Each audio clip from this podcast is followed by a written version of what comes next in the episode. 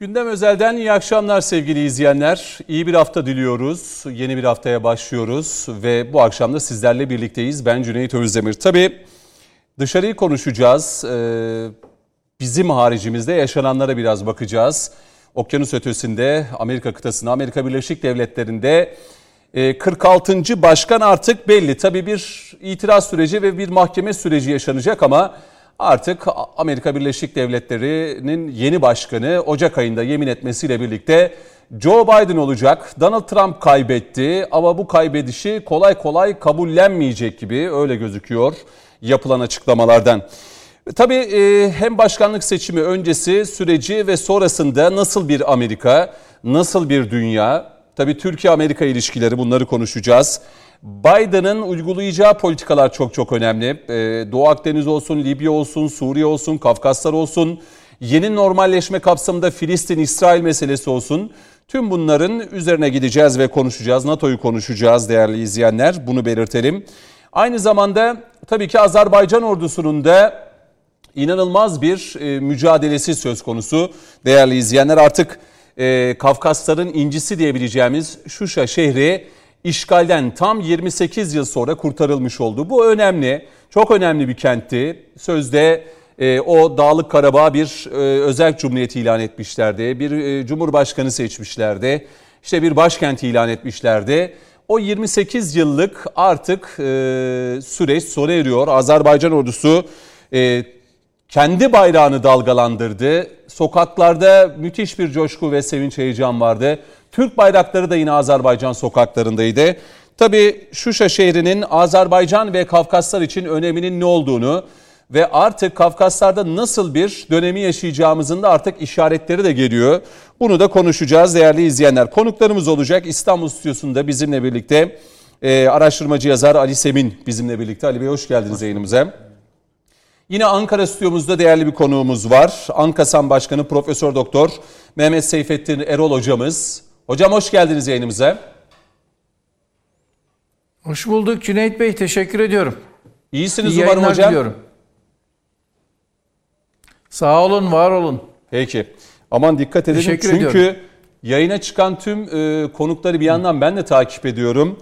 E, yani bu pandemi vesilesiyle e, Covid-19'a yakalananlar var. İşte onlardan birisi de Optimar Araştırma Başkanı Hilmi Daşdemir. E, o da Covid-19 testi pozitif çıkmış.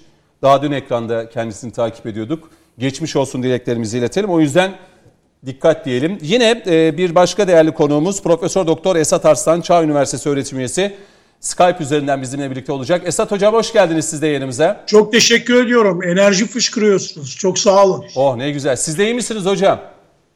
İyiyim. E, Valla daha bir enerji oldum. Daha bir enerjik bir şekilde. Aslında çok güzel günler bugünler. Bugünleri paylaşmak lazım. Hı hı.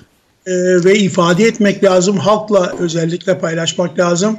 Halkımızla bütünleşmek lazım. Peki Esat Hocam, e, sizin de görüşlerinize e, bugün yer vereceğiz program içerisinde. Ben izninizle Ankara stüdyosuyla bir başlayayım. E, Mehmet Seyfettin Erol Hocam'la. Şimdi seçimin öncesi kutuplaşmanın inanılmaz arttığı, siyah ve beyazın ciddi anlamda birbirinden uzaklaştığı bir süreci yaşadık. Ee, seçime katılım oranının ülke tarihinde en yüksek katılımın olduğunu gördük.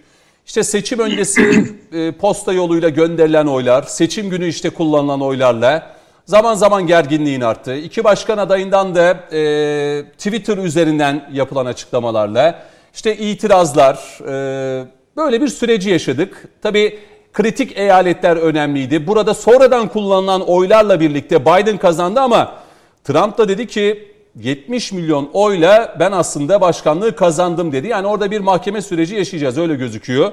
Ama Ocak ayında yemin edecek olan başkan bakalım Biden mı olacak? Öncesi ve sonrasıyla nasıl bir seçim oldu sizce e, Seyfettin Hocam? Şimdi e, seçimlerde e, oy oranının bu kadar ya da katılım oranının bu kadar yüksek olması bile aslında bu seçim süreci ve sonrasıyla ilgili önemli bir ipucu veriyor. Bakınız daha öncesinde Amerikan halkı e, seçimlere bu kadar rağbet etmiyordu. Çünkü sistemle bu kadar ciddi anlamda yakın değildi. Sistemle ilgili bir takım bu kadar endişeleri yoktu. Dolayısıyla şu an Amerika'daki bu özellikle Trump'ın seçilmesi ve sonrası yaşanan gelişmeler e, aslında Trump'ın seçilme süreciyle başlayan dönemdeki o kuşkuları ve e, kutuplaşma eğilimini daha da hızlandırmış vaziyette. Ondan dolayı e, halk bu seçimlerde Amerika'nın geleceğini ve dolayısıyla da kendi geleceğini bir anlamda garantiye almak hı hı. ve bu anlamda kendisinin oradaki belirleyici rolünü e, ortaya koymak gerekliliği duydu. Dolayısıyla seçimlere katılım oranı e, e, bir yönüyle e, halkın sisteme ve Amerika'nın geleceğine yönelik e, ciddi anlamda kaygısını ortaya koyması açısından bence önemli ve bu kutuplaşma e, bağlamında da Amerika'da aslında birçok şeyin artık değiştiğini gösteriyor. Hı hı. Şimdi bakıldı, bakıldığında Amerika'da artık bir kere ciddi anlamda bir sistem sorunu var. Ve bugün e, Trump'ın e, açıklamaları da bu sisteme duyulan güveni ve dolayısıyla Amerikan e, demokrasisine duy, duyulan güveni daha da e, e, sorunlu bir hale getirmiş vaziyette Hocam, ve bir ekleme bununla yapayım. ilgili Çok özür diliyorum. kriz önüm Çok özür diliyorum. Buyurun. Donald Trump yaklaşık 2-3 dakika öncesinde Twitter üzerinden Savunma Bakanı Mark Esper'in görevine son verdiğini açıkladı. Bu da yeni bir bilgi olarak ekleyeyim. Buyurun efendim. Buyurun. Evet yani yani Trump'ın artık bundan sonraki hamlelerinin ne Amerikan iç siyasetinde ne de Amerikan dış politikasında çok radikal bir şey olmadıkça çok bir anlamı yok. Artık herkes e, Biden'ın e, söylediklerine, söyleyeceklerine bakıyor ve bundan sonraki e, süreçte açıkçası Biden tüm taraflar açısından bir muhatap durumunda. Ondan dolayı Trump'ın şu ana kadarki ya da şu anki ortaya koyduğu bir takım tepkilerin bence çok bir karşılığı yok. Hem kendisini hem de Amerika'yı e, bu anlamda e, e, en azından Amerika'nın e, eğer varsa bir miktar saygınlığı onu da ciddi anlamda zora e, sokan bir lider olarak e, anılmaya devam edecek eğer bu mevcut tavrını devam ettirirse.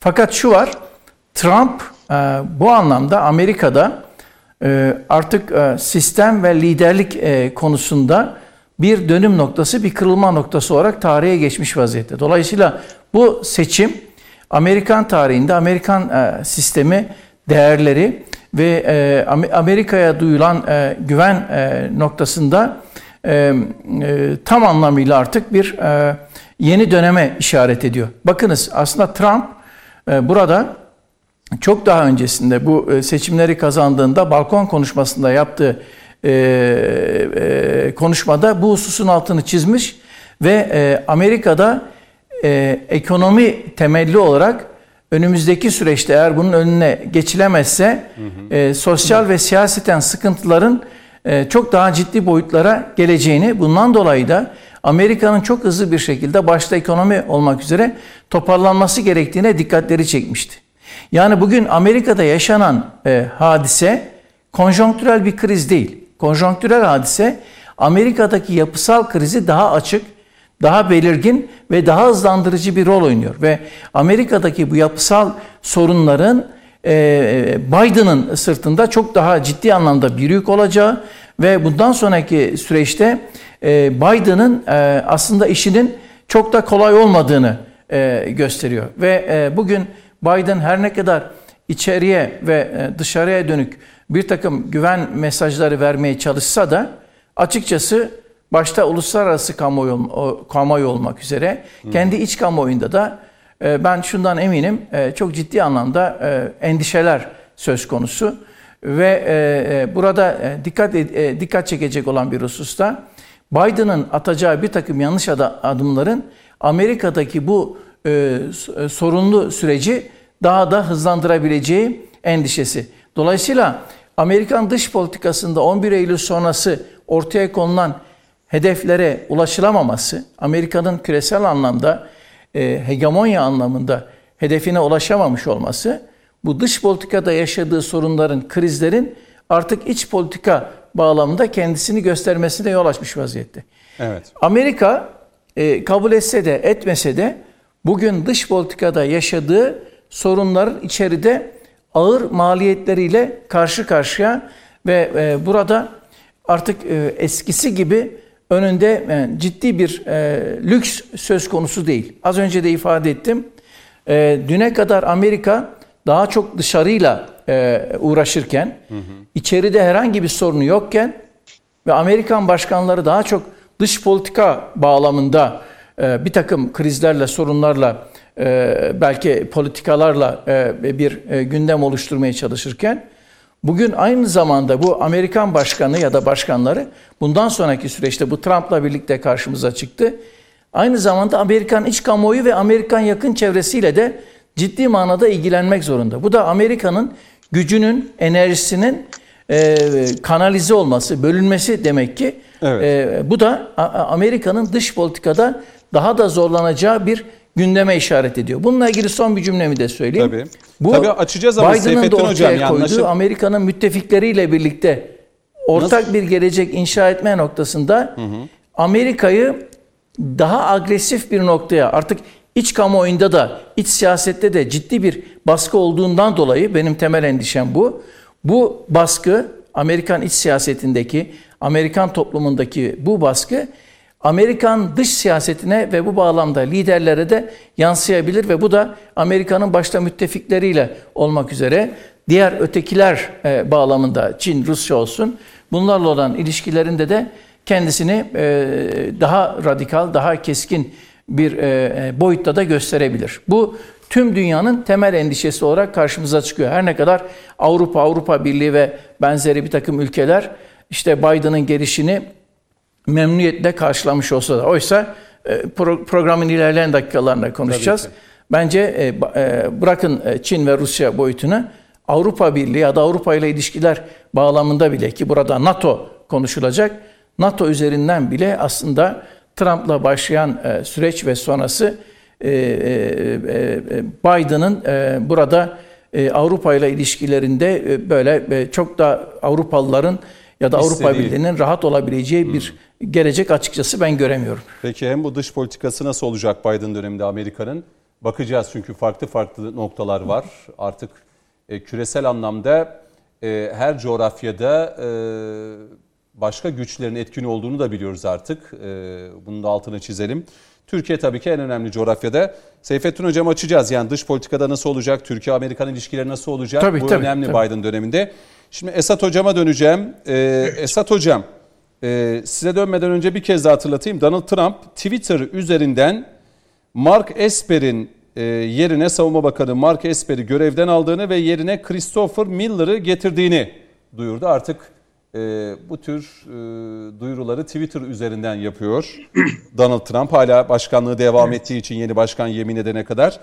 Buradan bir devam edelim isterseniz. Hatta şöyle de bir başlığı da açalım. E, nasıl bir e, dış politika belirleyecek? E, yani geride kalan 4 yıllık Trump döneminin e, devamı mı olacak yoksa bambaşka bir e, politikayı izleyen e, Biden'ı ve Amerika'yı mı göreceğiz? Şimdi ben bugün farklı bir şey yaptım. E, dedim ki ya peki Trump acaba cumhuriyetçilere kazandırdıkları nedir diye. Ona göre bir bayağı ciddi bir şekilde e, yani e, Trump bu kadar şimdi bu biliyorsunuz Max Expert'in alması falan hepsi e, seçim bölgelerinde çalışmayanları bir adeta cezalandırmak gibi. Şimdi bu konuya geçmeden önce bir kere Amerika'nın bu seçim sisteminin ne kadar demokratik olmadığını bir başka şekilde ifade etmek istiyorum. Biliyorsunuz 538 tane Electoral College seçiciler dediğimiz bu sistem 1792'den beri belki muhafazakarlığı siz e, takip edebilirsiniz. Ama bugün işte e, korona evresindeki mektupla duruma düşmüşsünüz. Düşünebiliyor musunuz? Amerika'nın kendi sınırları içinde Porto Rico yani Amerika'ya gidip de Porto Rico ismini duymamış hiç kimse yoktur. İkincisi Guam, Amerikan Guam'ı. Kimse yoktur. Efendim Samoa Adaları. Amerika'ya bağlıdır ve buraya geziler, kruyuz gezileri düzenlerler. Düşünebiliyor musunuz? Bu burada yerleşik olan insanların birisinin bire oyu yok, oyu sayılmıyor. Yani bu sistemin içerisinde değiller. Bö- Yani yani, şimdi artık- böyle bir sistem olabilir mi? Hangi demokratikten bahsedeceksiniz? Onu diyecektim. Yani Ee, kal- demokrasi- Katılım oranı tabii ki Seyfettin Hocam güzel bir şekilde ifade etti. Yüzde 62'ye çıkartmak ancak yüzde 40'lar, yüzde 48'lerden itibaren biz başlıyorduk. Nasıl uzaltılabilecek? Hele 2012 seçimleri bayağı bir ciddi bir duruma gel gelmişti. Şimdi düşünebiliyor musunuz? Bırakın iki dereceli seçimi, efendim Amerikan vatandaşı pasaportu taşıyıp da oy hakkı olmayan üç tane yer saydım. Bunlardan bir tanesi Samoa Adaları, Guam, Amerikan Guam'ı ve de Porto Rico. Artık yani Amerika'da Porto Rico ile bütünleşmiş etle tırnak değil de vatandaşı, resident. Vatandaşı oy hakkı yok. Şimdi ikincisi çok önemli. Florida'nın esasına baktığınız zaman Küba'dan, Venezuela'dan ve Nikaragua'dan gelen genellikle sol iktidarlar görmüş. Biliyorsunuz işte bizim e, özellikle Nikaragua dağlarındaki işte kontrolar işte vesaire bu şekilde işte Che Guevara'lar efendim e, bu şekilde e, bütün hemen hemen bizim neslin bizim 50 yaşındaki olan insanların bunun şeyi var. E, şimdi baktım ben evanjelik İspanikler duvara biliyorsunuz 2016'da geldiği zaman büyük bir duvar çekeceğini ifade etmişti. Büyük yürüyüşler yapıldı. Evanjelik Hispanikler Trump'a çalıştığını gördüm. Yani bu acaba e, Trump yani Trump tamamen kaybetti ama cumhuriyetçileri, cumhuriyetçilerin neler kazandırdıklarına bakmak lazım. Bir Edison anketi var. Herhalde değerli kardeşlerim de görmüşlerdir. Trump siyah kadınlar arasında yüzde dörtten yüzde sekize çıkmış. Ya olacak şey değil. erkekler ırkçılık- arasına bakıyorsunuz, özellikle siyah erkekler arasına bakıyorsunuz. Gene e, cumhuriyetçilere verilen oylar açısından bakıyorsunuz. Yüzde on üçten yüzde on yediye çıkmış. Ya bu tamamen bir Trump'ın ortaya koymuş olduğu e, e, politikaların eseri olarak, kampanyanın eseri olarak dönmek lazım. Tabii birkaç tane olay gördük biliyorsunuz. Özellikle e, basın ve medya önünde hatta demans kavramlarına kadar bunları hissettik ve gördük. Bakın pandeminin o polisin siyahları öldürdüğü dünyada çarpıcı bir tespit söyleyeyim. Ee, ve- ve orada da hiç de geriye adım atmamış. E, bakıyorsunuz gene Müslümanlar arasına bakıyorsunuz. Peki Müslümanlar Trump'ı seviyor mu?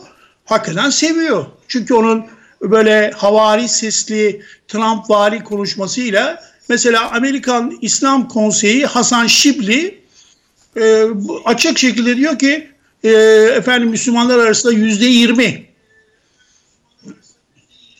Bakın neden bahsetmeye çalışıyorum. Buyurun. 2001 yılında 9-11'den sonra Bush'un biliyorsunuz Washington DC'de camiye gelerek ayakkabıyla içeri girip This is Crusade Campaign denilen bir cumhuriyetçi ekolün Trump vasıtasıyla, vasıtasıyla getirildiği yeri söylüyorum. Crusade Campaign dediği Haçlı Seferi başlamıştır denilen bir noktadaki Şibli'nin ifadesiyle yüzde yirmi Müslüman oyu alabiliyor. Tabii Trump'ın beyaz erkekler arasında oyu düşmüş. Ama Trump'ın özellikle beyaz kadınlar arasındaki oyu yükselmiş. Ya bir Trumpizm Tabii. var artık onu biliyoruz hocam. Ha efendim? Bir Trumpizm var yani. E, Böyle bir- Trump'i ama Evet. Trumpizm yani kazandırdıklarını ifade etmek için şunu söylüyorum. Yani Covid-19'un en fazla ölüme yol açtığı bölge var. 2016'da biliyorsunuz %51 almış. Şimdi %54 almış. Yani e, biliyorsunuz Covid'deki durumu ve şu haladaki gelinen durumu biliyoruz. Yani Trump koltuğuna veda edecek. Tamam bu bir 2-2 daha 4 Tamam, ama bu Amerikan güzel. toplumunda Hocam, Esat Hocam, bunlar önemli. dönüş- Peki toplumsal niye kaybetti? dönüşüm, Niye kaybetti? e, çapı ve derinliği çok fazla. Bunu ifade etmek istiyorum. Yani bu bunun derinliği ve çapı aşağı doğru gidiyor. Yani Trump'ı e, işi Trump'ı e, yermek işin en kolay tarafı. Ben onu söyleyeyim. İşin en kolay tarafı o. Efendim Trump yapıyor. Evet sağcılaşma yapıyor mu? Yapıyor. Peki niye kaybetti Esat Hocam? Yapıyor mu? Yapıyor. Neden Efendim, kaybetti? Bencil mi? Bencil. İşte bütün Esat e, şeyde gördüğümüz gibi fraud, fraud, sahte diye hepsi geliyor mu? Geliyor. Ve e, şunu da söyleyeyim. Evet en önemlisi şu. Trump Cumhuriyet'in değerlerini bir bir özellikle temel hak ve değerleri adeta bomboş gibi e, içini boşalttığını da bu arada ifade edelim. Yani Trumpizm, Turpçuluk dedi bir arkadaşımız. Bence e, düşünülmesi gereken e, bir şey. Trump mağlup olabilir ama Trumpizm fazlasıyla kazandığını söylemek Tamam. istiyorum. Esat Hocam o zaman tek bir cümleyle sorumu sorayım. Tek bir cümle alayım. Ali Sevin'e döneceğim. Neden kaybetti Trump? Trump'ın kaybetmesi tabii ki e, e, şunu söylemeye çalışıyorum. Bunları e, bu e, bu senenin değil. E, doğrudan doğruya Trump'ın özellikle savunma sanayini yüzde 55 elinde tutan Amerika Birleşik Devletleri'nin özellikle biliyorsunuz e, e, Kamala Harris onların e, adamı olarak geldi ve de e, 4 artı 4 artı 12 yılı garanti altına aldılar. Yani bu arada şu açık ve şekilde söylüyorum bütün dünyanın 55 savunma sanayini elinde geçiren demokrat yönetim var. O, onun, onun için kaybetti. Peki. Şimdi e, bir reklama gidelim. Dönüşü Ali Sevin'le devam edelim. E, çok kısa bir e, aradan sonra devam edeceğiz. E, Esat hocamız bizimle birlikte, Ali Sevin bizimle birlikte ve Mehmet Seyfettin Öral hocamızla gündem özele devam edeceğiz. Önümüzdeki dakikalarda da Ayhan Özmekik bizle birlikte olacak. Müsiyat ABD Başkanı. Aradan sonra devam edeceğiz.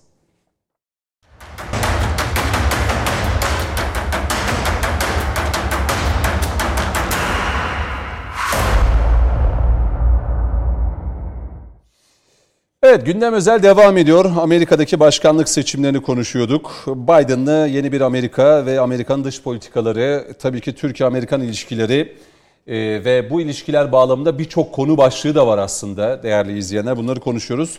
Az önce programın ilk bölümde ABD Başkanı Donald Trump'ın Twitter üzerinden Savunma Bakanı Mark Esper'i görevden aldığını ve yerine Christopher Miller'ı atadığını da e, biz de tüm dünyada e, açıkçası Mark Esper de Twitter üzerinden öğrenmiş oldu.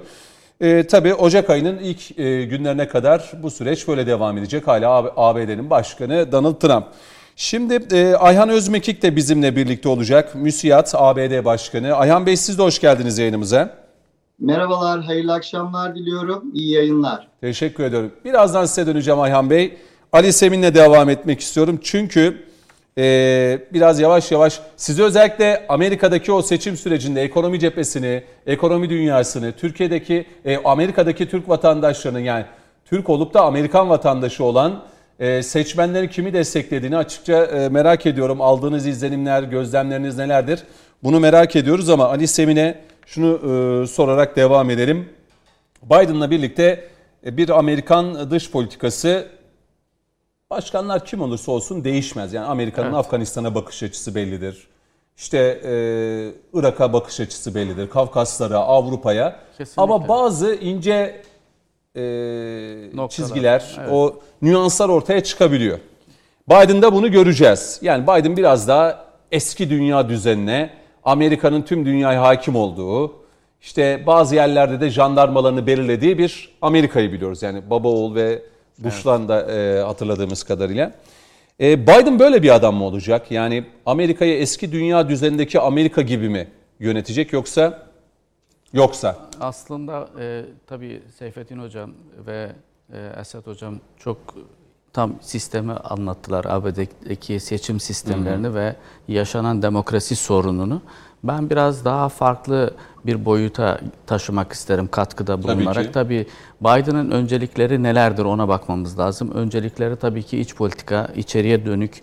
E, birincisi Çünkü birinci, Tabii ki birincisi onlar için içeri zaten e, siz de sordunuz Esat Hocam da buna cevapladı. E, Trump'ı e, ne kaybettirdi Trump'a? Trump'a birkaç e, şey var. Hem içerideki politikalar, özellikle e, ırkçılık, siyahilerle işte diğer taraftan Biraz pandemiye bakış açısı, pandemi bakış açısı, evet Covid-19 e, meselesi, diğer taraftan da ekonomik kriz, e, işsizlik oranı yani bunlar hepsi e, etkiledi. Şu anda işsizlik e, oranına baktığımız zaman ABD'de e, yüzde 6,9. E, diğer taraftan 2017'den 2020'ye kadar büyüme e, büyüme ABD'deki ekonomik büyüme e, iki buçuk. Yani bunlar hepsi e, Trump'ın ister istemez Trump'a e, etki ettiğini düşünüyorum. Diğer taraftan Biden tabii Biden'ın bir avantajı var Trump'tan şudur. E, Obama döneminde biliyorsunuz başkan yardımcısıyken e, şimdi Covid-19 çıktı. O zamanlar e, domuz gribi, Ebola, Ebola gibi e, e, salgın hastalıklarla mücadele etmişti ve biraz daha tecrübelidir diye düşünüyorum bu konuda. E, diğer taraftan ekonomik öncelikleri neler olur sorarsanız öncelikleri ekonomik sağlık ve özellikle bu alanlarda ve küresel boyuttaki gelişmeler olacak. Ama öncelikle herhalde Amerika'daki e, iç tabii, bütünlüğü iç- sağlamak iç dedi bütünlüğü, ya. evet. Mavilerin değil Kesinlikle. kırmızıların da başkanı Ke- olacağım kes- diyerek aslında o mesajı Kesinlikle. vermiş Pek oldu. çok olay var. Şimdi bunlardan bir tanesi tabii e, Dünya e, Sağlık Örgütü'ne geri dönmesi. Yani bu Covid-19'la mücadele adı altında. Tabii Paris Anlaşması aynı şekilde Covid-19 büyük değil 19'u çok hafife aldı Trump. Bu daha farklı işte mesela bilim kurulu kuracak. Onun dışında güvenlik ve biyo e, savunma gibi pek çok alanda e, adımlar atacağını e, kabul edersek bir de diğer taraftan da bir önemli bir şey var. Teşvik e, paketi var. E, biliyorsunuz Cumhuriyetçiler e, bu konuda da e, demokratlarla ciddi bir çatışma haline ge- gelmişti. Mesela teşvik e, aylardır e, süren teşvik paketi e, tartışmaları ABD'de özellikle e, Cumhuriyetçiler mesela e, e, e, demokratlar daha doğrusu e, 3,5 e, trilyon dolar bu teşvik paketini e, kabul etmek istiyorlar. Bu şekilde e, lanse ediyorlar. Ancak e, buna cumhuriyetçiler e, 1 milyar e, 1 trilyon dolar e, olarak göstermeye çalışıyorlar. Yani pek çok vergi e, indirimlerine kadar pek çok içeride sorunlar olduğunu ve bu e, Mehmet Seyfettin hocam da söyledi. Biden için e, kolay bir süreç değil aslında. İç politika çok ciddi anlamda kargaşa dolu. Bunun içerisine de e, hatta e, göç ve mülteci sorununu da katarsak e, bunda çok daha anlamlı olacağını. Diğer taraftan başkan ABD için tabii Türkiye'de e, şunu açık bir şekilde söyleyeyim. Yani başkanlık e, seçimi, ABD'deki başkanlık seçimi sanki Türkiye'de bir seçim gibiymiş. E, ciddi derecede medya bunun üzerine gittiğini hatta e, size Amerika'dan sonra dünyada en yakından takip eden haber kanalları olarak ikinciyiz. Yani Amerika'dan gerçekten sonra. size bir daha ilginç bir şey söyleyeyim. Oğlum geçen biz televizyon böyle şey yaparken e, ge- gezerken kanalları iki kanal üst üste Biden'la Trump'ın fotoğraflarını koymuş e, oy oranları. Dedi baba Türkiye'de mi seçim yapıldı? Hayır dedim Amerika dedi. O zaman niye bu kaç gündür bunları konuşuyoruz? Yani e, çocuklar bile etkilendi Doğru. bu seçim sürecinden. Ancak şunu söyleyeyim. e, Türkiye açısından baktığımız zaman, dış politika açısından baktığımız zaman ABD'nin belli stratejiler var. Bunu hiç e, başkan değişir ama stratejileri kendi çıkarlarını hiçbir zaman değiştirmezler. Bu bölgesel ve küresel anlamda. Yani dış politika açısından diyorsunuz ya bakalım.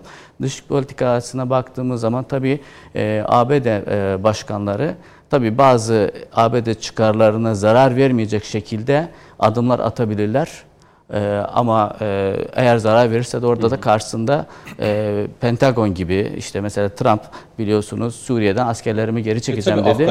Afganistan'da Irak'tan. tabii. Şimdi Biden'da merak konusu tam tersi bir durum mu göreceğiz? bir, bir e, tam tersi durum olacak. E, bence e, Biden Asker yığacak. bir kere Biden şunu söyleyeyim. Biden daha önce e, bir siyasetçi, bir kere bunun altını çizelim. Yani Trump gibi e, bir iş adamı olup daha sonra e, Amerikan başkanı olmadı.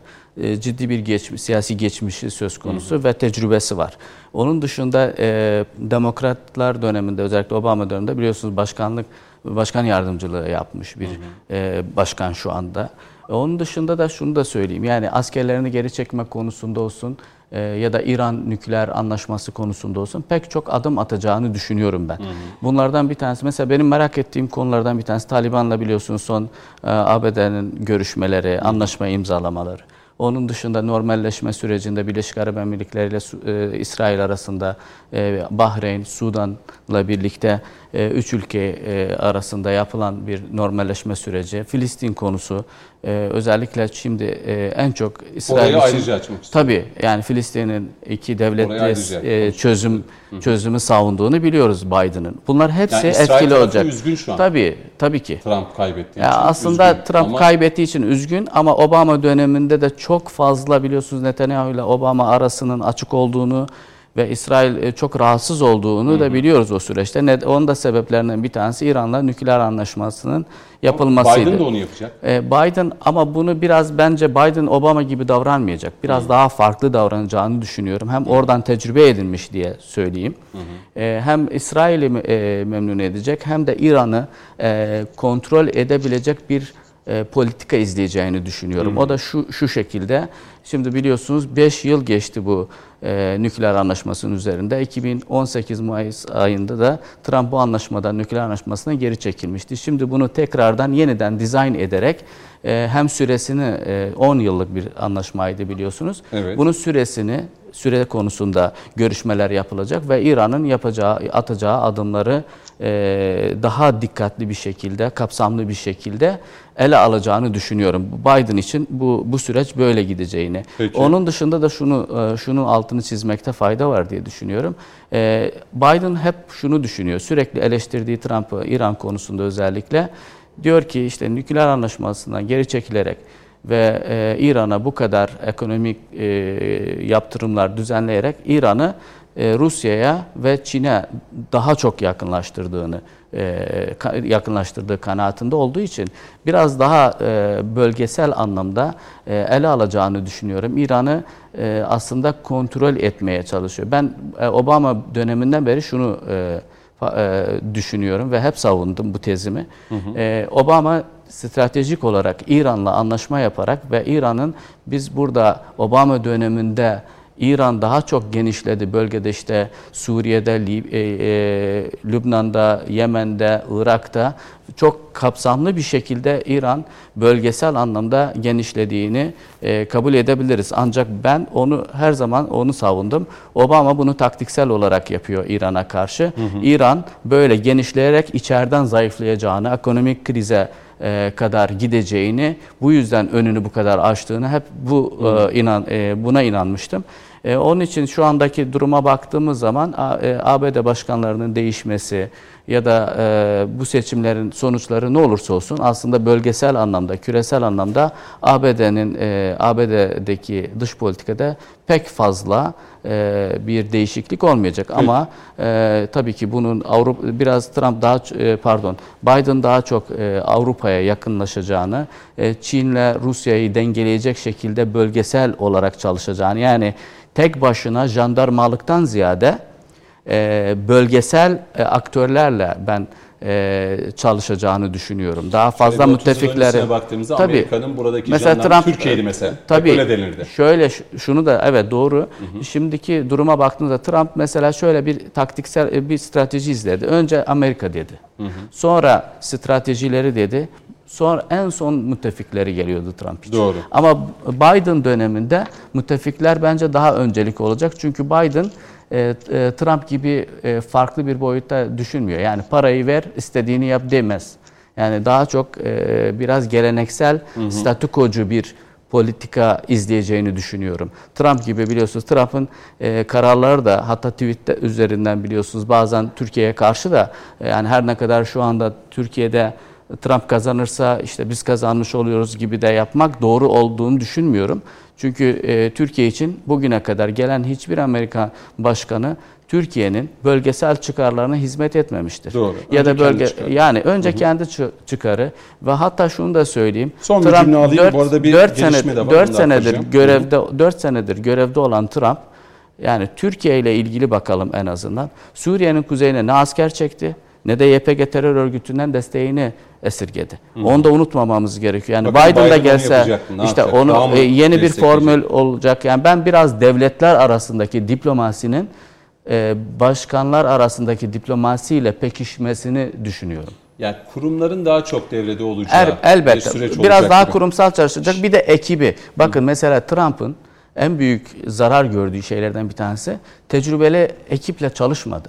Yani biliyorsunuz damadını e, orta yani e, danışmanı yaptı. İşte ne bileyim e, farklı Çok sürekli görevden aldı. çok görevden Çok görevden aldı. Mesela ulusal güvenlik danışmanı kaç sefer bakın siz, aldı. size şunu söyleyeyim. ABD başkanı için yardımcısı kadar e, ulusal güvenlik danışmanları da önemlidir. Kaç- Bu yüzden üç- bu kanallar tabii ki hep Tabii üç değişti yani. Doğru. Şimdi önümüzdeki dakikalarda e, Azerbaycan cephe hattında yaşananları da konuşacağız.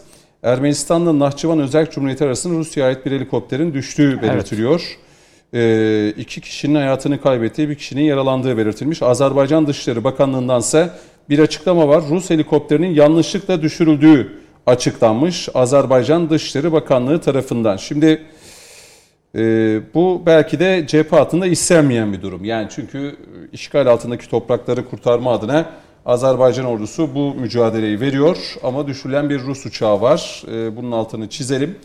Şimdi Ayhan Bey size dönelim. Önümüzdeki dakikalar tabii bunları konuşacağız. Ee, nasıl bir seçim oldu sizce? Ee, Amerika'da 46. başkanlık seçimi. Ee, bir öyle bir değerlendirme alalım. Gözlemlerinizi bir iş dünyasında bulunan bir isim olarak, müsiyat ABD Başkanı olarak. Evet, e, sorunuza geçmeden önce e, kıymetli hocamın söz, sözlerini bir anekdotla tamamlamak istiyorum. Tabii. E, hocam Amerika'da e, Trump'ın tecrübeli bir ekiple e, çalışmadığını söyledi ama e, Trump Amerika, e, Washington DC'de %93 ile kaybetti. Yani e, Biden %93 ile Washington DC'de kazandı. Bunu da e, sizlere Tabii. e, ilave İyi etmek oldu. istiyorum. İlginç aslında. Yani ekibi yoktu aslında çünkü Trump e, malumunuz iş dünyasından gelmişti. E, sizin sorunuza gelecek olursak e, gerçekten e, Amerikalıların da artık e, bitsin bu seçim dediği bir seçim oldu Amerika'da. E, 1900'lü yıllardan beri ilk defa bu kadar e, yüksek katılımlı, %70 e, katılımın olduğu bir seçim oldu. Ve gerçekten e, Türkiye'de de çok konuşuldu ama Amerika'da da e, ilk defa bu kadar çok konuşuldu ve manipüle de edildi seçimler. Hı hı. İlk defa hem anket şirketleri hem e, basın ana akım medya tarafından. E, halk aslında bakıldığında e, burada ben Trump'ı da başarılı buluyorum. Çünkü her şeye rağmen e, yaklaşık 70 milyon oy alarak yine rekor kırdı. Hatta bazı eyaletlerde tabii ki Kaybeden de Amerika- rekor oy aldı, kazanan da rekor oy aldı. Öyle bir seçim oldu. Evet ve e, o anlamda başarılı buluyorum her şeye rağmen bu kadar yüksek oy almasını ve e, Trump'ın sayesinde ilk defa bu kadar e, seçimlere e, katılım yüksek oldu. Bu anlamda da e, ilginç bir seçim yaşadı Amerika Birleşik Devletleri. Tabii yine hocam e, cümlelerinde ifade etti. Türkiye'den de bu kadar çok fazla e, ilgi göz, görmesinin sebebi sanırım Biden'ın e, hem Aralık ayında yapmış olduğu açıklamalar hem de e, seçim sürecinde yapmış olduğu hem Cumhurbaşkanımıza karşı hem de Türkiye'ye karşı yapmış olduğu açıklamalar da belki e, bunda etkiliydi. E, ben yaklaşık birkaç aydır Türkiye'deyim. E, ilginçtir. E, çok fazla o Trumpizm etkileri Türkiye'ye de yansımıştı. Neredeyse e, bütün vatandaşlarımız Trumpçıydı. Amerika'daki Türkler ve Amerika, Amerika'daki Müs- Müslümanlar ekseninde baktığımızda da ilginçtir. Eskiden Amerikalı e, Türkler genelde e, demokratçıydı. E, en son seçimlerde Hillary'yi çok ciddi desteklemişler, desteklemişlerdi. Ama bu seçimlerde ilginç bir şekilde belki %60 e, Trump, %40 oranında Biden'ı desteklediler. İlk defa bizim e, Türk-Amerikan toplumu cumhuriyetçi oldu. Müslüman, Amerikalı Müslümanlara bakıldığında e, onlar her dönem e, demokrattı ve bu seçimde de demokratlara açık desteğini e, hem CARE hem İSNA İKNA açıklamıştı. Dolayısıyla e, onlarda bir değişkenlik söz konusu olmadı. Belki Müslümanların %70'inin oyunu e, Biden aldı. E, Şunu merak yine- ediyorum Ayhan Bey. Buyurun. Şunu soracağım. Şimdi e, Trump'la Sayın Cumhurbaşkanı Erdoğan biliyorsunuz en son görüştüklerinde tabii siz bir iş dünyası insanısınız. E, 100 milyar dolarlık bir ticaret hacmini hedeflediklerini belirtmişlerdi. Tabii iş dünyası da olaya bu taraftan bakacak. Yani Amerika ile e, Türkiye arasında evet stratejik müttefiklik, ortaklık vesaire bunları görürüz ama ticaret hacminin yıllardır e, hep e, çok da istenmeyen bir oranda olduğunu hep birlikte biliyoruz. E, bu kapsamda iki lider söz vermişti. Hem Trump hem de Sayın Cumhurbaşkanı Erdoğan. Dolayısıyla Trump olmayacak, Biden gelecek. Yani Biden'la e, birlikte Türkiye ile Amerika arasında e, böyle bir 100 milyar dolarlık ticaret hacminin e, ortaya konulabileceğini düşünüyor musunuz? Biraz böyle hani sizin alanınızdan sormak istedim özellikle bu soruyu. Evet, e, açıkçası Amerika ile ilişkilerimiz neredeyse 200 yıldan fazla. Hı hı. Bu e, stratejik ortaklık ve model ortaklık konusu da yıllardır konuşulan bir şey. Ama e, maalesef ekonomide hiçbir zaman stratejik ortaklık ve model ortaklığa bu e, dönüşmedi. Her dönem yüksek gümrük vergileri ve ambargolar ve kotalarla karşılaşan bir Türkiye gerçeği vardı. Hı hı. E, Amerika 1985'ten bu yana 15'ten e, fazla ülkeyle serbest ticaret anlaşması imzalamasına rağmen son 10 yıldır Türkiye'nin e, girişimlerine e, karşılık vermedi serbest ticaret e, anlaşmasında. Evet. E, Tunus, Ürdün, Mısır gibi ülkelerle bile e, nitelikli sanayi e, bölgesi anlaşmaları yaptı. Bu anlamda gümrük açısından e, önemli ülkeler oldu e, bu ülkeler. E, bu dönemde tabii e, Trump e, Ticaret Bakanı Ross'u Türkiye'ye gönderdi ve ilk defa Türkiye'de bir Amerikan Ticaret Bakanı yaklaşık bir hafta kaldı. Bu hedefe e, ulaşılması noktasında çaba harcanması noktasında çalışmalar yapıldı ve neredeyse Ross her yeri ziyaret etti. Ama hı hı. yine e, çok gerçekçi değildi bu 100 milyar dolarlık e, bir anlaşma. Şu açıdan çünkü bizim ticaret hacmimiz e, yaklaşık 20 milyar dolar. Bu 6 milyar doları ihracat, 12-13 milyar doları da ithalat. İthalatta da malumunuz uçak, uçak sanayi ürünleri e, alındığı için ithalatımız, e, ithalat ihracat oranımız dengesizliği yüksek seviyede. Hı hı. Dolayısıyla e, Trump döneminde şöyle bir şansımız vardı. Trump e, Çin karşıtlığı ile e, son dönemlerde adından e, sıkça söz ettiriyordu. E, bu anlamda e, Çin'in ürettiği bazı ürünleri Türkiye, Hindistan, Pakistan, Vietnam gibi e, ülkeler üretebilirdi. E, ama e, Biden döneminde nasıl olacak sorusu ise e, Biden'ın e, biliyorsunuz seçmenlerine e, seçim bildirgesinde şöyle bir ifadesi vardı. E, biz orta sınıfı güçlendireceğiz ve Buy American, Amerikan ürünlerini satın al e, adlı bir kampanya başlatarak yerli üretimi canlandırmayı hedefliyoruz ve bu sayede de e, 5 milyon e, işsize iş kapısı aralayacağız demişti. E, yani yerli üretimi destekleyeceği için e, muhtemelen e, Çin'le olan, Çin'e konulan kotaları devam ettirecek e, ve e, muhtemelen daha fazla yaptırımlar yapmayacak. Hı hı. E, hocamın da ifade ettiği gibi artık kurumsal bir işleyiş yani kişisellikten kurumsal işleyişe geçecek bu manada ama Türkiye yine bence e, bu noktada istediğini e, alamayacak. Çünkü yerli üretim noktasında işsizlik had safhada ekonomi kötü iken e, iç ekonomiyi destekleyeceğini düşünüyorum. Hı hı. E, e, Şu soruyu da sorayım. Tek, buyurun. Şu soruyu buyurun. da sorayım Ayhan Bey. E, araya gideceğiz yani çok kısa da olsa cevabını almak isterim. E, evet. E, ikinci reklam aramıza gideceğiz. Amerika'da iş dünyası yani sermaye ve parayı elinde bulunduran çevre bu seçimde kimi destekledi? Ne gördünüz bu seçimde? Şimdi e, malumunuz biliyorsunuz Trump e, yüksek gelir elde edenlerden e, gelen vergileri düşürmüştü. Hı hı. E, Biden ise bunu %37'den %39.6'lara çıkaracağını söylemişti yine seçim beyannamesinde. Hı hı. Aslında e, yüksek Peki. Ayhan Bey? Evet. Skype'da bir problem var. Peki biz de bir araya gidelim. Ee, devam edeceğiz e, gündem özele değerli izleyenler. Amerika'daki bu başkanlık e, seçimiyle alakalı Biden dönemiyle birlikte Türkiye Amerika e, ilişkilerini biraz da konuşacağız yeni bölüme başlarken. Bunun altını çizelim. Sonra da Azerbaycan hattında, cephe hattında yaşananları da mutlaka konuşacağız programımızda.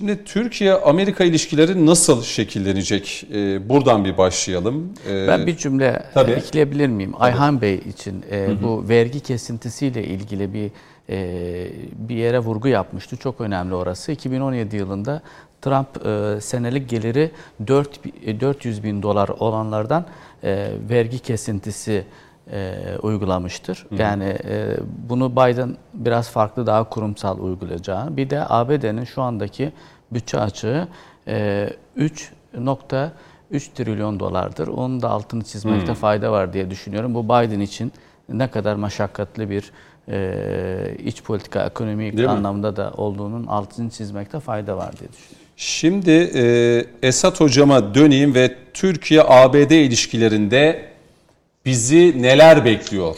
Ee, Joe Biden'lı evet. Amerika Birleşik Devletleri e, artık e, Erdoğan-Trump görüşmelerine Biden-Erdoğan görüşmelerini e, sıkça görecek miyiz? Yoksa biraz daha kurumsallaşan yani kurumlar arasında iletişim daha yoğun olduğu bir süreci mi göreceğiz başkanlar arasındaki bu telefon görüşmelerinden ziyade? E, tabii ki 29 yaşından itibaren senatör olan e, efendim kendisi özellikle dış ilişkiler komitesinin içerisinde bulunan bütün o strong kurumlarda Amerika Birleşik Devletleri'nin özellikle e, National Defense Policy yani e, e, savunma e, politikaları, milli savunma politikalarını, o belgelerini bir şekilde hıfz etmiş. Özellikle Amerika Birleşik Devletleri'nin efendim e, dış politikası ve askeri yerleşme yani bütün o üsler meselesi, meselesinde bizzati görev almış, bizzat girmiş e, bir kişiden bahsediyoruz. Tabii e, ben onunla beraber şunu da ortaya koymaya çalışıyorum. Bir kere e, Amerika Birleşik Devletleri'nin nasıl ki bizim milli askeri stratejik konseptimiz var, Amerika Birleşik Devletleri'nde bu politikaları değişmez. Şunu ifade etmeye çalışıyorum. Yani bugün e, unuttuğumuz belki isimler tekrar gündeme gelecektir. Bunlardan bir tanesi Brett McGurk, Phil Gordon, yani birkaç isim sayayım müsaade ederseniz. Bunları önümüzdeki e, zamanda en çok ortaya koyuyor. Susan Rice, mesela John Bolton. Nick Burns. E, bunlar e, hemen hemen hı hı. E, ya tepe ya da kritik özellikle e, dış politikayla ilgili ve de ulusal güvenlik dosyalarının başına geçeceklerdir. Çünkü bunlar bu dosyalarla adeta bütün mesleki yaşamlarını birlikte geçirmişlerdir. Biraz evvel bütün değerli dostlarımın ortaya koymuş olduğu çok önemli bir şey var. Amerika Birleşik Devletleri'nin politikası değişmez. Doğru değişmez. Ama e, değişmeyeceğini Orta Doğu'ya ortamını koymanız lazım. Bir kere ne olursa olsun e, ister demokrat olsun, ister cumhuriyet olsun, cumhuriyetçi olsun, İsrail'in güvenliği bir numaralı Amerika Birleşik Devletleri'nin savunma sorunudur. İkincisi çok önemli ki yine e, e, farklı bir şekilde ifade edildi. Enerji arz güvenliği Amerika Birleşik Devletleri'nin değişmez bir genel prensip politikasıdır. Yani bugün gidersiniz kongreye and then Foreign Affairs and Military, e, the United States Foreign Affairs and Military Installation diye yani bu resmi bir dokümandır. Kongreden alırsınız bunu size haritalarla gösterir. Bu değişmez. Hı hı. Üçüncüsü ne? Hiç Amerika'ya e, Amerika e, bana karşı fosil yakıtı ister doğal gaz olarak silah olarak kullanmayınız. Yani OPEC'in ona silah olarak efendim fiyatların yükseltilmesi ya da indirilmesi bu politika değişmez. Bu genel politika. Şimdi gelelim Orta Doğu politikasında çok önemli bir şey var. Hepimizin bildiği gibi işte Amerika Birleşik Devletleri'nin Suriye PKK'sının efendim inşa etmek istemiş olduğu yer e, ve de e, bu e, buna karşılık bizim de e, ortaya koymuş olduğumuz hı hı. güvenlik koridoru e, yani e, bu, bu, bu politikayla birbirleriyle çakışacağı çok açık seçik ortadadır. Yani bu PKK, PYD, YPG'ye evet. desteğin Trump döneminde tırlar dolusu e, gitti. e, Bu artarak devam edecek mi? E, Tabii ki devam edecek. E, yani bu işin mimarlarından bir tanesi, tabii Brett McGurk'ü bir tarafa bırakıyorum. Özellikle kendisi e, Obama'nın yardımcısı olarak bölgeye kaç kez geldiğini, bölgedeki bütün şeylerle bütünleştiğini ve bu politika politikalara karşı adeta bu güvenlik koridorunu inşa etmemiz, inşa etmemize karşı hala e, yine YPG ile birlikte bu işlerin yapıldığını bu biliyorsunuz Trump zamanında da devam etti E, ve de bunun çıkış noktasındaki Bayır Bucak bölgesinin nasıl yakılarak orman yangınları sadece bizim Hatay tarafında şey yaptınız buralara tekrar efendim Bayır Bucak Türkmenleri gelmesin diye aynı yerleri yaktıklarını gördük. Yani e, burada bizim en önemli konulardan bir tanesi bu olacak. Yani bununla uğraşacağız. Bence şunu ifade etmeye çalışıyorum. E, Sayın e, Kalın, e, Sayın e, Fahrettin Altun ve Sayın Cumhurbaşkanımızın özellikle uğraşacağı konulardan ve bu meseleleri bitmeksizin ve de anlatmak mecburiyetinde olduğunu ifade etmek istiyorum. Ama Amerika Birleşik Devletleri bu bölgeye biraz evvel de ifade ettiğiniz gibi YPG ve PYD devletini kurmak için elinden gelen her şeyi koyacağını yani değiştim işte ben devletin kitaplarına baktım bu değişiklik oldu. Peki. Bu bence bu yürümeyecektir. Bunun mutlaka bir ortak noktasını bulmak mecburiyetindeyiz. Yani Orta Doğu'da en önemli olaylardan bir tanesi elinize geçerli bir kartın olabilmesidir. Amerika Birleşik Devletleri bugünlerden bile e, hemen ellerini adeta ovuşturmakta. İşte Kaatsa'ya daha şimdiden bile demokratların ifade ettiğini görüyoruz. Evet, Ama evet. şimdi burada Biden'ın çok önemli bir şeyi var. Bizim aslan demokratlar gibi e, bu aynı düşünce yapısında bir demokratlar var. Evet. Son derece konformist. Yani hani e, hatırlarsınız 270 Esat Hocam araya gideceğim. Uzun devam Efendim? edecek mi? Araya gideceğim. Bir reklam zamanı gelmiş. Yönetmenim illa gitmemiz gerekiyor diyor. Bu, Peki siz, siz bilirsiniz. Yani e, dönüşü devam edelim mi yoksa sizi uğurlayayım mı? Nasıl yapalım? Zamanınız var mı hocam? E, peki dönüşü devam edelim. Bu Peki. sözlerimi Peki bitireyim aynen efendim. sözlerinizi bitirmemiş gibi sizi uğurlamış olmayayım. Bir araya gidelim değerli izleyenler devam edeceğiz dönüşte.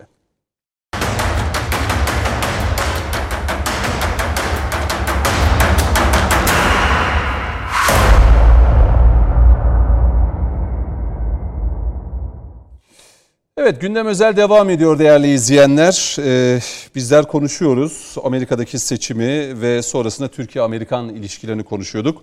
Esat Hocam'a bir döneyim tekrar 4-5 dakika daha bir vereyim süre sonra Ayhan Bey ile e, devam edeceğim. E, çünkü Ayhan Bey'den de merak ettiğimiz şu özellikle Biden'ın seçilmesiyle birlikte e, yani pandemi krizi de olduğu için e, ekonomiye ciddi anlamda e, etkisini görüyoruz. Yani tüm dünyada, Türkiye'de değil, Amerika'da, kıta Avrupa'sının her yerde ekonomiler küçülüyor, dibe vuran yerler var. Kendi para birimlerinin oldukça değersizleştiği bir süreci de yaşıyoruz. Onu da soracağım. Yani dünya ekonomisine nasıl yansıması olacak?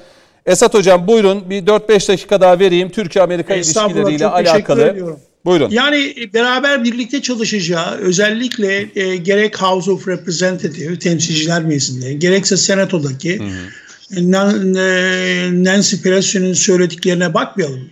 E, biliyorsunuz e, Amerika'da da demokratlar konformistlerdir, çelişkilidir. Görüntüde eşitlikçidir ama özünde elitisttir. Bizdeki de Muharrem İnce'nin özellikle çıkışı bu yüzdendir. Onu da ifade etmeye çalışayım.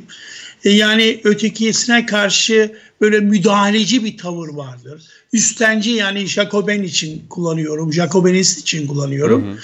E, adeta bir değerler tüccarıdır. Bir de bunlarla çalışacak. Bu da zor.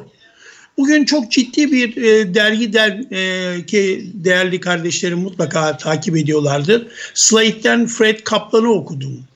E, onun çok önemli bir tespiti var. Diyor ki 1850'lerden sonlarından bu yana her zamankinden daha fazla bölünmüş bir ülkeyiz. Yani polarizasyon Amerika'yı adeta yiyip bitiriyor. Yani Biden'ın her şeyi bir tarafa bırakarak hani bizde var ya yurtta sulh, cihanda sulh dediğimiz gibi önce yurtta kendi Amerikan yurdunda mutlaka sulhu tesis etmek durumunda. Hı hı. Bu polarizasyona yani kutuplaşmaya mutlaka çare bulmak zorunda. Ee, biraz sonra ifade edeceğiz. Tabii ki polarizasyonun bir çıktılarıyla beraber özellikle Covid-19'un e, doğrudan doğruya bir veba salgını haline geldiği günümüz ortamında da bunların ne yapacağınızı ifade etmek istiyorum. Bir iki kelimeyle de müsaade ederseniz ayrılacağım için Tabii. bu Azerbaycan'daki uçak düşme hadisesi Tabii, çok buyurun. önemli. Helikopter, Rus helikopterinin düşmesi. Helikopter düşmesi hadisesi, Hı-hı. Rus helikopterinin düşmesi hadisesi çok önemli bir hadise. Ee, biliyorsunuz e, ısrarla Paşinyan başlangıçtan itibaren şunu ortaya koy, koymaya çalışıyor. Biliyorsunuz 6 ülkeden meydana gelen bu 6 ülkeyi tekrar ifade edeyim. Üçü Türk, Özbekistan, efendim Kırgızistan ve Kazakistan, diğer Belarus, Ermenistan ve Türkiye. Ne var? Kolektif güvenlik işbirliği anlaşması var. Israrla bunu e, efendim Rusya tarafından uygulatmaya çalışıyor. Bunun da çok önemli bir şeyi var. E, bunu da ifade edeyim. 9 tane ani müdahale taburu var. Bu ani düşünebiliyor musunuz? Efendim biz Şuşa'dan Han kendine doğru giderken karşımızda efendim bu e, yaklaşık dört taburu, dört tabur efendim efendim yine Türk e, olsun yani Özbek e, taburu efendim e, diğer Kazak taburu hı hı. ve Kırgız taburu.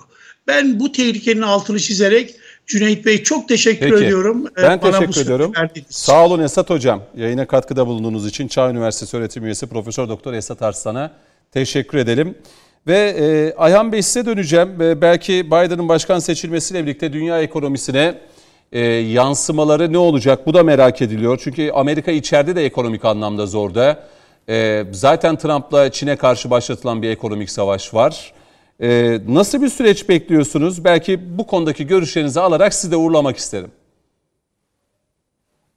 Ee, Cüneyt Bey, e, bunun öncesinde hocama sormuş olduğunuz Türkiye-ABD ilişkileriyle ilgili Tabii. müsaade ederseniz birkaç şey ilave etmek istiyorum. E, ülkemiz e, duygularını e, yoğun ve e, duygusal e, yaşıyor ve yoğun tepkiler veriyor. E, mesela e, Obama'nın seçildiğinde biz Obama'yı zorla Müslüman yapmıştık ve hatta Van'da kurbanlar bile e, kesilmişti. E, Trump'ı her şeye rağmen bütün e, Türk-Amerikan ilişkilerinde en kötü dönem yaşanmasına rağmen e, ülkemizdeki e, vatandaşlarımız ve Amerika'daki vatandaşlarımız da desteklemişlerdi. E, bugün gelinen e, noktada aynı yanılgıları ben e, görüyorum. E, şunu unutuyoruz.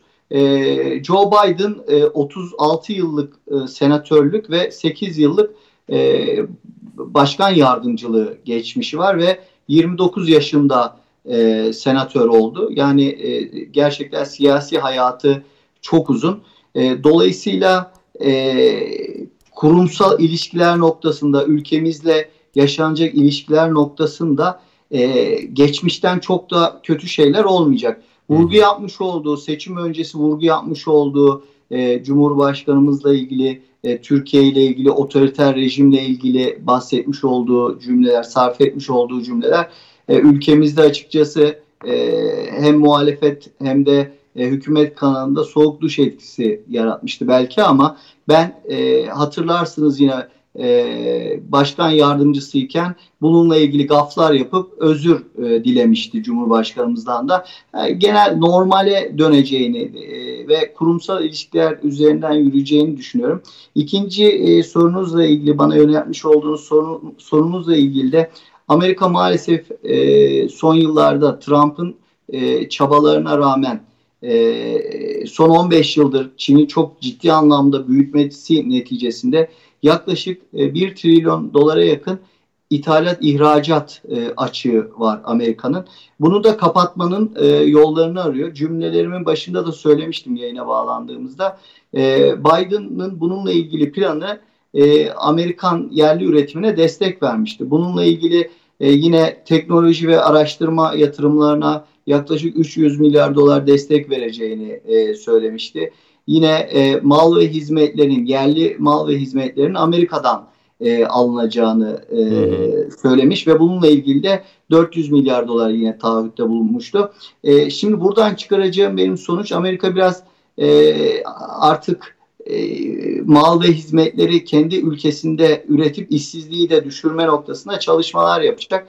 Doları da e, düşürmek durumunda. E, gelişmekte olan ülkelerde aslında düştüğünü görüyoruz. Türkiye ve birkaç ülkede yükselmesine rağmen e, birçok gelişmekte olan ülkede düşüyordu. Çünkü buna mecburdu. Çok ciddi e, ithalat, ihracat e, dengesizliği vardı ülkede son zamanlarda. Bunu gidermek durumundaydı. E, bunun haricinde e, tabii Biden'ın şu açıklamasında göz ardı etmemek lazım. Trump'ın Çin karşılığı e, söylemleri karşısında Biden hı hı. ılımlı ve tüketicinin bundan e, zarar e, gördüğü söylemleri vardı seçim öncesi. E, hep birlikte biz de göreceğiz. Biz de merak ediyoruz açıkçası. Ayhan Bey şunu söyleyeyim bir de. Belki öyle bitirelim. E, Biden döneminde bu Türkiye yönelik hani katsanın haricinde ekonomik yaptırımların daha da artacağını düşünüyor musunuz? E, düşünmüyorum çünkü e, çok fazla ticari hacmimiz yok. Yani zaten uygulanan kotalar neticesinde e, e, ve son dönemlerde doların Türkiye'de çok düşük olmasından kaynaklanan birçok iş e, sektör aslında gerilemişti. Mesela hı hı. tekstil sektöründeki birçok e, Amerikan firması, önemli Amerikan firmaları e, Hindistan, Pakistan, Bangladeş'e kaymıştı. E, bu doların yükselmesiyle e, biz bu e, hacmi yeniden yaratabiliriz diye düşünüyorum. Ben e, olumlu gelişmelerin de yaşanacağını, hı hı. aslında Trump'la daha olumlu çünkü Çin karşıtı çok söylem vardı. Daha çok olumlu gelişmelerin yaşanacağını düşünüyordum. Hı hı. Ama bir anlamda dolar bu seviyede kalırsa eğer Türkiye'de halen önemli gelişmelerin yaşanacağını ve e, Türkiye'nin ihracatta Amerika ile önemli gelişmeler elde edeceğini düşünenlerdenim. Peki. Çok teşekkür ediyorum. Yayınımıza katıldınız. Ayhan Özmekik, Müsiyat ABD Başkanı olarak. Kolay gelsin Hayırlı, diyorum. İyi günler diliyorum. Çok sağ olun. İyi Çok sağ olun. Şimdi evet e, Ali Semin ve e, Mehmet Seyfettin Erol hocamızla beraber kaldık. E, hem şu bölümü bitirmeden önce Türkiye-Amerikan ilişkilerini Ali Semin öze, öncelikle size sorayım. Özellikle şu başlığı da açalım. Yani bu yeni normalleşme demiştiniz ya. Evet. Yani İsrail ile Arap ülkeler arasında bir normalleşmenin başlatıldığı süreci gördük. Başkan Trump'ın seçimden önceki son zamanlarında evet. bu daha da hızlandırıldı. Şimdi Biden'ın da gelmesiyle birlikte e, Biden İsrail odaklı bir dış politika üzerinden mi gidecek? Yani İsrail'i koruma. E, Trump'ta bunu gördük e, net bir şekilde. Biden bunun üzerinden mi gidecek yoksa Biden az önce hani ilk bölümde de konuştuk ya Avrupa, Türkiye var, Rusya var, Çin var. Yani Amerika'nın aslında evet. ilgilenme Libya var, Doğu Akdeniz var. O kadar çok şey var ki burada müttefikleriyle daha ön plana e, evet. çıkan bir Biden profili mi göreceğiz? E, evet bence öyle olacak. E, şimdi e, ABD'nin özellikle Orta Doğu'da değişmeyen stratejik parametreleri var. Bunlardan bir tanesi enerji hatlarının bölgesi bölgede Orta Doğu'daki enerji hatlarının hı hı. E, hakimiyetini sağlamak. Yani enerji hatları üzerinde. İkincisi ee, İran, İsrail ve Arap dünyası arasındaki dengeyi sağlamak. Üçüncüsü de Körfez ülkelerinin güvenliğini sağlamak. Tabii dördüncüsü bu üçüncü maddenin içerisinde İsrail'in güvenliği öncelik. Ee, Biden'ın bütün açıklamalarına baktığımız zaman sürekli şunu vurguluyor. İsrail olmasaydı zaten biz Orta Doğu'da bu kadar e, geniş kapsamlı bir dış politikaya da strateji belirlemeyebilirdik. Hatta hmm. e, Orta Doğu'daki varlığının İsrail'in e, ABD için bir e, deyim yerindeyse ABD için Orta Doğu'daki sigortası olarak görüyor İsrail'i. Onun için buradaki e, politikalarına baktığımız zaman normalleşme süreci şimdi Trump tabii yarıda bırakmış bir e, konu var. Yani Trump'ın başarılarına baktığımız zaman aslında İsrail'e bu normalleşme e, üç körfez, iki körfez ülkesi ve bir Arap ülkesi Sudan, iki körfez ülkeleri Birleşik Arap Emirlikleri ve Bahreyn'le. E, dikkat edin mesela e, Camp David'de 79 e, Mısır'la İsrail e, normalleşti ilişkileri. Daha sonra 94'te e, Ürdün'le İsrail birbirleriyle ilişkiler normalleşti. Yani dikkat edin kaç sene 16 15 16 senede e, iki ülkeyi kazanabildi bugüne kadar ABD'nin öncülüğünde İsrail ile ilişkiler kurabildi e, Orta Doğu'da. Ancak e, Trump'a baktığımız zaman Trump bir ay içerisinde üç ülkeyle normalleşme sürecini sağlamış oldu ve bunun en önemlisi de ilk defa Birleşik Arap Emirlikleri ile birlikte e, Körfez ülkelerinin den bir ülkenin e, İsrail'le e, ilişkilerini e, normalleşmesini sağladı. Yani burada tabii Trump'ın tabii dış politikası açısından İsrail'e ne kadar ilişkilerini ilişkilerinin güçlü olduğunu ve İsrail'e ne kadar hizmet ettiğini de kabul etmemiz gerekiyor. Mesela Kudüs'ü biliyorsunuz İsrail'in başkenti ilan etmesi gibi pek çok aslında Türkiye'de e, pek çok konularda e, İsrail'in e, güvenliğini ve İsrail için çalıştığını kabul edebiliriz e, Trump'ın. Aslında Türkiye'de bu kadar Trump kazanırsa biz bu kadar kazanırız gibi konuşmalar da e, Trump'ın Kudüs e, Kudüs'ü tanınması tanıması gibi e, İsrail başkent olarak hı hı. tanınması gibi adımlarını da Türkiye'de çok ciddi anlamda tepki almıştı. Ancak nedense bu seçimlerde tabii Biden'ın Aralık ayındaki açıklamalarıyla birlikte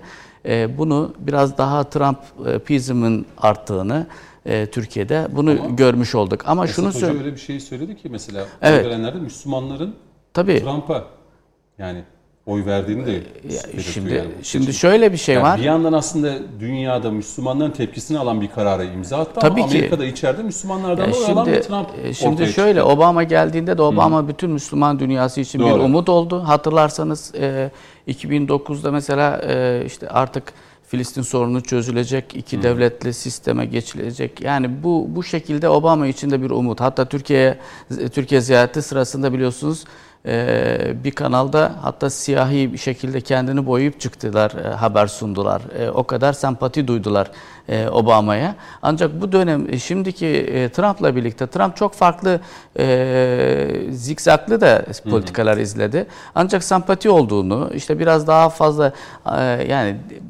şunu söyleyeyim ben bunu görüyorum. ABD'de ilk defa böyle bir başkan ortaya çıktı. Yani bütün protokolleri alt üst eden, işte böyle. her şeyi üst, e, alt üst eden ve ne dediyse delidir, e, ne dediyse yeridir gibi bir e, konuma gelen. Mesela bir açıklama yapıyor hatırlarsınız Barış Pınar Harekatı'nda mesela biz yayındayken bir tweet atıyor işte yorumlarımızı soruyorlardı. Biz işte bir 20 dakika sonra hangi tweet atacağını bilmediğimiz için beklerim 20 yarım saat sonra. Ve bunu hiç kimse e, e, yadırgamıyordu. Hala devam ediyor. Yani, yani şimdi şöyle bir şey var. Yani Trump'ın yaptığı, attığı adımlar ve Hı. geri attığı adımlarda da hem attığı hem de attığı adımlardan Hı. geri adım attığı zaman da hepsi ona yakışıyor gibi davranıldı. Peki şunu, Onun için Ali Bey, şunu buradaki e, yani iki üç konu alakalı Biden'da yine Biden'ın ben size söyleyeyim İsrail'le e, Obama dönemindeki hatayı yapmayacak. Hmm, anladım. Yani İsrail'le arasını bozmayacak hmm. ve bölgede de İsrail odaklı bir politika yine e, izlemek zorunda tamam. kalacak. Çünkü Biden'ın e, ekibi içerisinde mutlaka ve mutlaka İsra İsrail'le çalışabilecek e, gruplar, e, ekipler olacak, e, kişiler olacak. E, onun için ya da danışmanlar olacak. Yani yeni yani bu ABD yeni başkan yardımcısı da çok merak evet, ediyor. Evet yani kadın, şimdi bir kadın kadın bir kadın oluyor. Ee, ulusal güvenlik e, danışmanını ben daha çok merak ediyorum. Ee, hmm. onun için e, bu süreçte nasıl bir ekip oluşturacak? Olacak, evet. Güvercin mi olacak? Ee, mesela ben yapıyor. benim gördüğüm şu. E, şimdi Körfez ülkeleri aslında e, Trump e, şunu da söyleyeyim. Yani ben e, takip ettiğim kadarıyla ifade edeyim. Hı hı e, Türkiye'de e, aslında e, Trump'ın hiçbir dezavantaj yokmuş gibi de davranmak doğru olduğunu düşünmüyorum. Çünkü iki hı hı. ülkenin e, dediğim gibi devletler arasındaki diplomasi ya da ilişkiler e, farklı bir boyutta olması gerekiyor. Yani mesela e, Trump'ın attığı adımlar bu normalleşmeyi biz tartışırken sadece e, Türkiye'de tartışılırken e, yayınlarda hı hı. E, sadece işte Filistin davası üzerinden tartışıldı. Ama evet. şunu bak şu şekilde bakılmadı.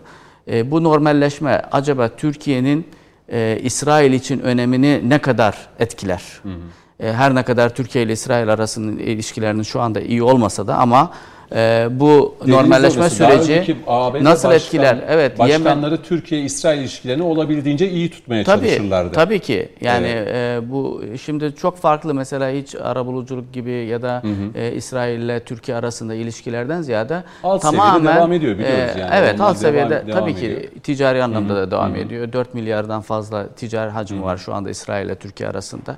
E, ancak şu var, e, Trump daha çok Körfez ve Arap e, ülkeleri üzerine bir Orta Doğu oluşturmaya çalıştı. O da yani- nedeni de şu var. Hem ma- e, parasal şey finans meselesidir. Hem de İran'a karşı farklı bir boyuta taşımak istedi. Mesela Birleşik Arap Emirlikleri'nin e, mesela Eritre'deki üssünün olması, İsrail'in, İran'ın ve Birleşik Arap Emirlikleri'nin üssünün olması bu ister istemez e, iki ülkenin yani İsrail ile Birleşik Arap Emirlikleri'nin işbirliğiyle İran'ı sıkıştırma politikaları. Yani Körfez ülkelerinde e, e, İran'a karşı bir blok oluşturma gibi. E, tabii Trump'ın yani pek çok e, e, dezavantajları vardı. Ancak Türkiye'de biraz farklı bakıldı. Mesela Suriye'deki olaylara baktığımız zaman Barış Pınar Harekatı sırasında Trump'ın aldığı tavırlar, S-400 konusunda, e, F-35'ler konusunda. Yani bunlar hepsi e, katsa e, yaptırımlarına Şöyle- kadar tamam, şöyle pek sorayım. çok e, Türkiye aleyhine, ben şunu altını çizmek aleyhine En yani başkan değişmiyor. yaşayacağımız konu ne olur Biden'la? Biden'a ben En büyük. en büyük Suriye olur. Suriye olur. Evet bakın bugün Yani Doğu Akdeniz, Libya, buralar bir Bunlar şekilde e, tabii Türkiye'nin çünkü bakın Suriye şöyle mi? bir şey var. Libya Türkiye için stratejik bir e, hamle olarak ve çıkarlarının olduğunu kabul edebiliriz. Doğu Akdeniz Türkiye için jeopolitik bir e, öneme sahiptir. Suriye'ye baktığımız zaman Suriye Türkiye için bir sınır güvenliği, bir ulusal güvenlik meselesidir. Irak aynı şekilde e, bir ulusal güvenlik meselesidir. E, mesela bugün bakın e, kat e, şeyin e, ABD'li e, askerlerin özellikle bugün Suriye'ye silah ve e, askeri mühimmat, teçhizat e, desteği verdiğini e, şeyde Kuzey Irak e, özellikle Kuzey Irak basında yer aldığını için söylüyorum. E, bugün e, askeri ekipman gitti Suriye'nin kuzeydoğusuna yani YPG, PKK'ya gidecek. Bunun ne alt e, ne adı altında gitti? Uluslararası Koalisyon Güçleri adı altında ama ABD'nin e, gönderdiğini biliyoruz. Onun için buradaki süreç ben e, krizlerin daha çok bakın Peki. mesela Suriye krizini ortadan kaldırırsak Türkiye için ABD arasındaki ilişkiler tabii pek çok olaylar var. Yani şimdi hangi krizden bahsedelim? İşte FETÖ e, FETÖ ile ilgili e, Oraları açmayalım, var. oraları Yok, açmayalım. açmayacağım. Sadece şunu S400 var. E, Onun dışında Doğu Akdeniz var ama ben Suriye'nin büyük daha krizin- en büyük Suriye olacağını Yani dolayısıyla PYD, YPG ve. PKK'yı Ve destekleyen bir Biden Amerika. döneminin en büyük tehlikelerinden bir tanesi şu anda bugüne kadar Obama döneminden kurulan gayrimeşru özelliği e, YPG yapılanmasını, Suriye'nin kuzeydoğusu ve Fırat- Fırat'ın doğusundaki yapılanmayı kurumsallaştırmaya ya da meşrulaştırmaya daha doğrusu gidilmesi için çok ciddi çalışacağını düşünüyorum. Peki. Bunu da İsrail'le yapacağını düşünüyorum. Şimdi 4-5 dakika var. Araya gideceğiz. Son bölümde bir e, 35-40 dakikaya Azerbaycan'a çevireceğiz. E, Mehmet Seyfettin Hocam, şimdi e, Biden'ın işte bu yılın başlarındaki bir röportajında biliyorsunuz Türkiye'de falan, Cumhurbaşkanı'na de falan işte Türkiye'deki muhalefeti desteklememiz gerekiyor vesaire vesaire vesaire bazı açıklamaları duyduk, öğrendik, paylaştık. Bu da tartışılmıştı. Ee, Türkiye'deki muhalefeti destekleyeyim derken e, tabii belli yani siyaseten ama e, başka neler destekleyebilir onu bilemiyoruz. E, şimdi bir gün önce Sayın Kılıçdaroğlu da hem daha başkanlığı tam netleşmeden Joe Biden ve yardımcısı Kamala Harris'i tebrik ederim dedi. E, belki de dünyada ilk e, tebrik eden isimlerden, siyasilerden birisi oldu CHP Genel Başkanı Kemal Kılıçdaroğlu. Şimdi Joe Biden'lı ve ekibiyle birlikte e, Türkiye ile Amerika arasında e, aşılamayacak en önemli krizin ne olacağını düşünüyorsun? Suriye dedi Ali Semin. Bir 3-4 dakika vereyim. Araya gideceğiz, dönüşte devam edeceğiz. E, biraz hızlı gitmenizi isteyeceğim hocam.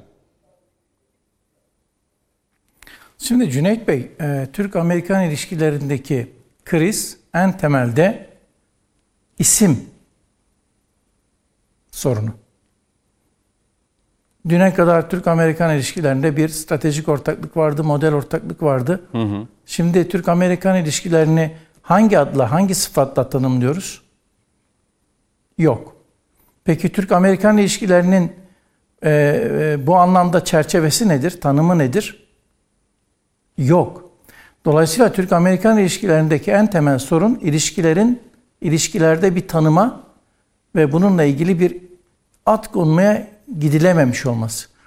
Bu en son 2007'de Bush-Erdoğan zirvesinde model ortaklık olarak e, açıklandı, aşıldı.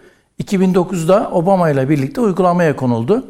Onun da en fazla birkaç yıllık ömrü oldu. Hı hı. 2011'deki Arap Baharı ve sonrasındaki Cenevre e, süreciyle birlikte model ortaklıkta bitti. Model ortaklığın ruhuna ne zaman Fatiha denildi?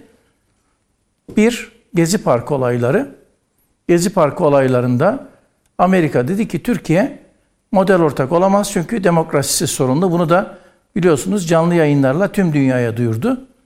İki, model ortaklıkta Türkiye'nin bir iki sacaya daha vardı. Bir tanesi Mısır, diğeri de Suudi Arabistan e, merkezli, hı hı. Birleşik Arap Emirlikleri merkezli, Katar merkezli, Körfezli. Mısır'daki askeri darbe ile de birlikte bizim dış politikamıza ihvan üzerinden darbe vuruldu. Dolayısıyla model ortaklığı iç siyasette geziyle, dış siyasette de Mısır'daki darbeyle burada sona erdirdiler. Ve o günden bugüne bakıldığında da Türk-Amerikan e, ilişkilerinde bir tek bir ara dönem oldu. İlişkileri tekrar belki eski rayına oturtabilir miyiz diye. O da 24 Kasım 2015'te yaşanan Rusya ile yaşanan uçak kriziydi. Orada da Amerika karadaki müttefiki olarak PYD, YPG'yi açıklayınca o da bitti. Dolayısıyla Türk-Amerikan ilişkilerinde her yer şu an potansiyel kriz alanıdır. Suriye'de de, Irak'ta da, Doğu Akdeniz'de de, e, Yunanistan'la e, Kuzey e, Güney Kıbrıs Rum yönetimi bağlamında baktığınızda Kıbrıs oradaki bir takım faaliyetleriyle burada çok boyutlu bir şekilde bu tanımı yapmaya ve tek taraflı olarak bu ismi koymaya yönelik olarak Amerika Birleşik Devletleri'nin bir girişimi söz konusu. Evet. Ondan dolayı şu an en potansiyel alan Suriye görünmekle birlikte dondurulmuş olan Irak var. Diğer alanlar da var. Ve e, bu Biden sürecinde belirli belirli bir e, durum kazanacak. Peki. Burada bana göre Türk-Amerikan ilişkileri açısından da hı hı. şu üç soru çok önemli. Hangi ABD, kimin ABD'si, nasıl bir ABD? Ve çok baktığınızda aslında hem Trump'ın hem de Biden'ın ortaya koyduğu neydi? Amerika'yı, büyük Amerika'yı yeniden inşa etmek, kurmak. Burada ayrışılan temel nokta şu. Bu büyük Amerika kimin Amerikası olacak ve kime hizmet edecek? Eğer büyük Amerika, büyük İsrail projesine hizmet edecekse o zaman büyük Türkiye'yi kaybedecek ve büyük Türkiye ile bahsettiğim bütün bu cephelerde, alanlarda Kriz farklı bir süreç olacak. Eğer Doğru. kazanmak istiyorsa o zaman Kasım 2007'deki Bush-Erdoğan hadisesinde olduğu gibi Erdoğan ve Biden arasında da Türk-Amerikan ilişkileri bağlamında yeni bir süreç, yeni bir işbirliğinin çerçevesi oluşturulmaya çalışılacak. Peki. Seyfettin Hocam araya gidelim. Ee, önemli yani bu son cümleniz önemliydi. Bir araya gidelim ve son bölümde artık yavaş yavaş Kafkaslar'da yaşananları konuşalım. Azerbaycan ordusunun zaferini konuşalım. Artık 40 küsür gün oldu Azerbaycan cephe hattında yaşananları ki şu son dakikaya kadar yaşanan bazı gelişmeler de var. Onları da konuşacağız Ali Semin ve Mehmet Seyfettin Erol'la.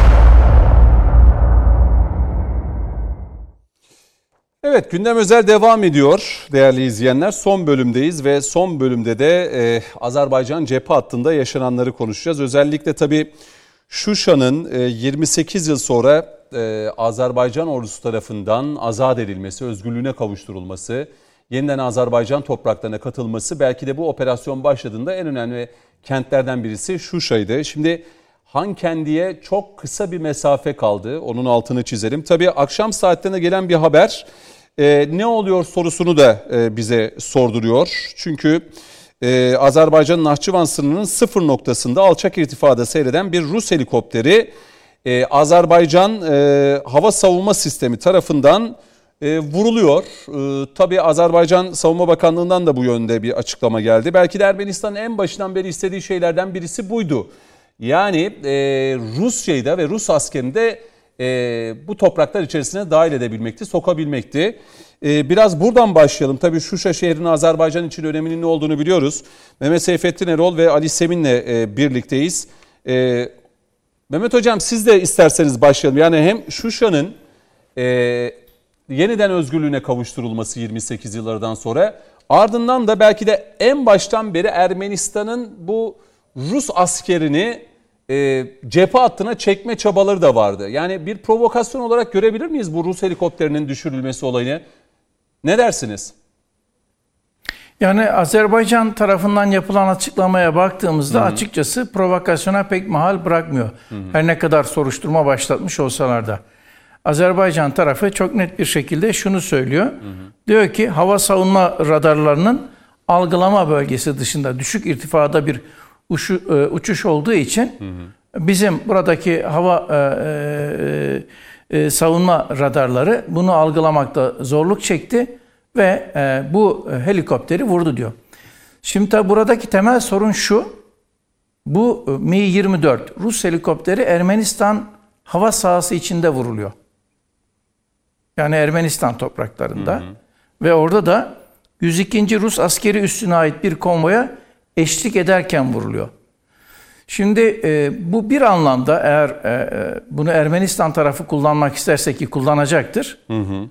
İşte e, Ermenistan e, saldırıya uğradı türünden de kullanabilir. Yani bu sonuçta kazara vuruş, kazara vuruş e, nihayetinde e, Ermenistan'ın elini kuvvetlendiren bir e, vuruş gibi Gelişme. görünüyor. Hı hı. Burada Rusya'nın vereceği tepki çok önemli. Rusya e, bu e, helikopterin düşüşünü gerçekten kazara olarak kabul ederse e, bu, buradaki kriz tırmanmayacak. Ama e, sanki bu, Suriye'de Türkiye ile Rusya'nın yaşadığına benzer bir süreci yaşıyoruz gibi Mehmet Hocam. Efendim? Sanki Türkiye'nin Suriye'de Rusya ile yaşadığı sürece hani biz o operasyonları, harekatları gerçekleştirirken... Biraz farklı Cüneyt Bey. Tabii farklı tabii yani. Ee, orada e, e, Rus savaş uçakları hem Karadeniz'de hı hı. hem de Türkiye sınırında, Hatay e, sınırında Türk hava sahasını bariz bir şekilde ihlal ediyordu. Bir meydan okuma vardı. Ve Türkiye'nin defalarca uyarısına rağmen hem Karadeniz'de hem de e, bu e, güneyde Hatay e, Hatay dahil olmak üzere Türk hava sahaları e, bu Rus savaş uçakları tarafından ihlal edilince hı hı. E, aslında e, Türkiye orada e, bir yönüyle caydırıcılığını da koyma gereği ortaya koydu. Bununla ilgili çok daha farklı şeyler de var ama e, sonuçta Türk-Rus ilişkileri buradan ciddi darbe aldı. Buradaki hadise e, Bakü yönetiminin de kabul ettiği e, Rus e, helikopterinin Mi-24'ün Ermenistan sınırları içerisinde düşürülmesi. Bunu Esat Hocam e, az önce ifade etti. Kolektif Güvenlik Anlaşması örgütünü harekete geçirme noktasında. Hmm. Sadece Rusya değil. Kolektif Güvenlik Anlaşması örgütü bağlamında Ermenistan hep şu tezi işliyordu. Diyordu ki Ermenistan bir savaş halinde dolayısıyla Kolektif Güvenlik Anlaşması örgütünün bir üyesi olarak Ermenistan'a e, bu örgütün destek vermesi gerekir.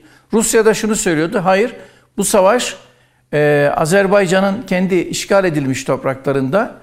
E, dolayısıyla Ermenistan'a yönelik burada herhangi bir saldırı, bir e, girişim söz konusu değil. Bundan dolayı Kolektif Güvenlik Anlaşması örgütü mekanizmasının e, harekete geçirilmesi söz konusu olamaz diyordu. Şimdi burada Erivan muhtemelen e, böyle bir çağrıda bir kez daha bulunacak ve diyecek ki işte bizim e, sizin helikopteriniz bizim hava sahamız içerisinde düşürüldü ve burada Ermenistan'a yönelik artık bariz bir saldırı söz konusu diyecek. Bu e, biraz talihsiz bir hı hı. hadise yani bakıldığında ki burada dikkati çeken e, mevzu şu Şuşa'nın düşüşü ve Han kendine doğru. Yani artık Karabağ meselesinin ve Azerbaycan açı- açısından e, e, yukarı Karabağ sorunun artık ortadan kalkmaya başladığı, işgal edilmiş. Toprakların tekrar artık e, sınırlarına dahil edildiği bir dönemde olması ve e, burada e, Rusya'nın e, mevcut e, e, e, tutumunun burada e, muhafazasını bir anlamda e, tehlikeye atıcı bir girişim olarak ya Mehmet da bir Seyfettin Hocam e, belki size kaza ek, olarak karşımıza ek için çıkıyor. şunu hemen aktarayım. Rusya Savunma Bakanlığı Rus helikopterin kaçırılma ve kötüye kullanılma ihtimalinin araştırıldığını duyurmuş. Yani bu kadar Rus sınıra- helikopterinin mi? Evet evet bu kadar sınıra sıfır bir noktada Evet, uçmasıyla e, alakalı. Azerbaycan tarafından yapılan açıklamada da Azerbaycan tarafından yapılan açıklamada da şu var. Ermenistan tarafından her türlü e, saldırı beklenildiği için e, Azerbaycan e, ta- ta- tarafından bu tür olası saldırılara karşı teyakkuz hali biraz e, yüksek ve hassas bir noktadaydı deniliyor. Ama burada dikkat çekici olan mevzu bir kez daha altını e, çiziyorum. E, yani Ermenistan sınırından çıkmamış olması burada önemli. Evet.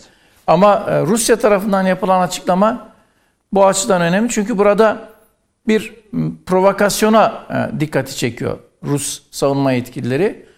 Bu da e, en başta söylediğim bu soruşturmayla ilgili bir mevzu. Şimdi bu bu Rus helikopterinin düşürülmesi şu yönüyle basit bir mevzu değil. Yani kolektif güvenlik anlaşması örgütünü de bir tarafa koyuyorum.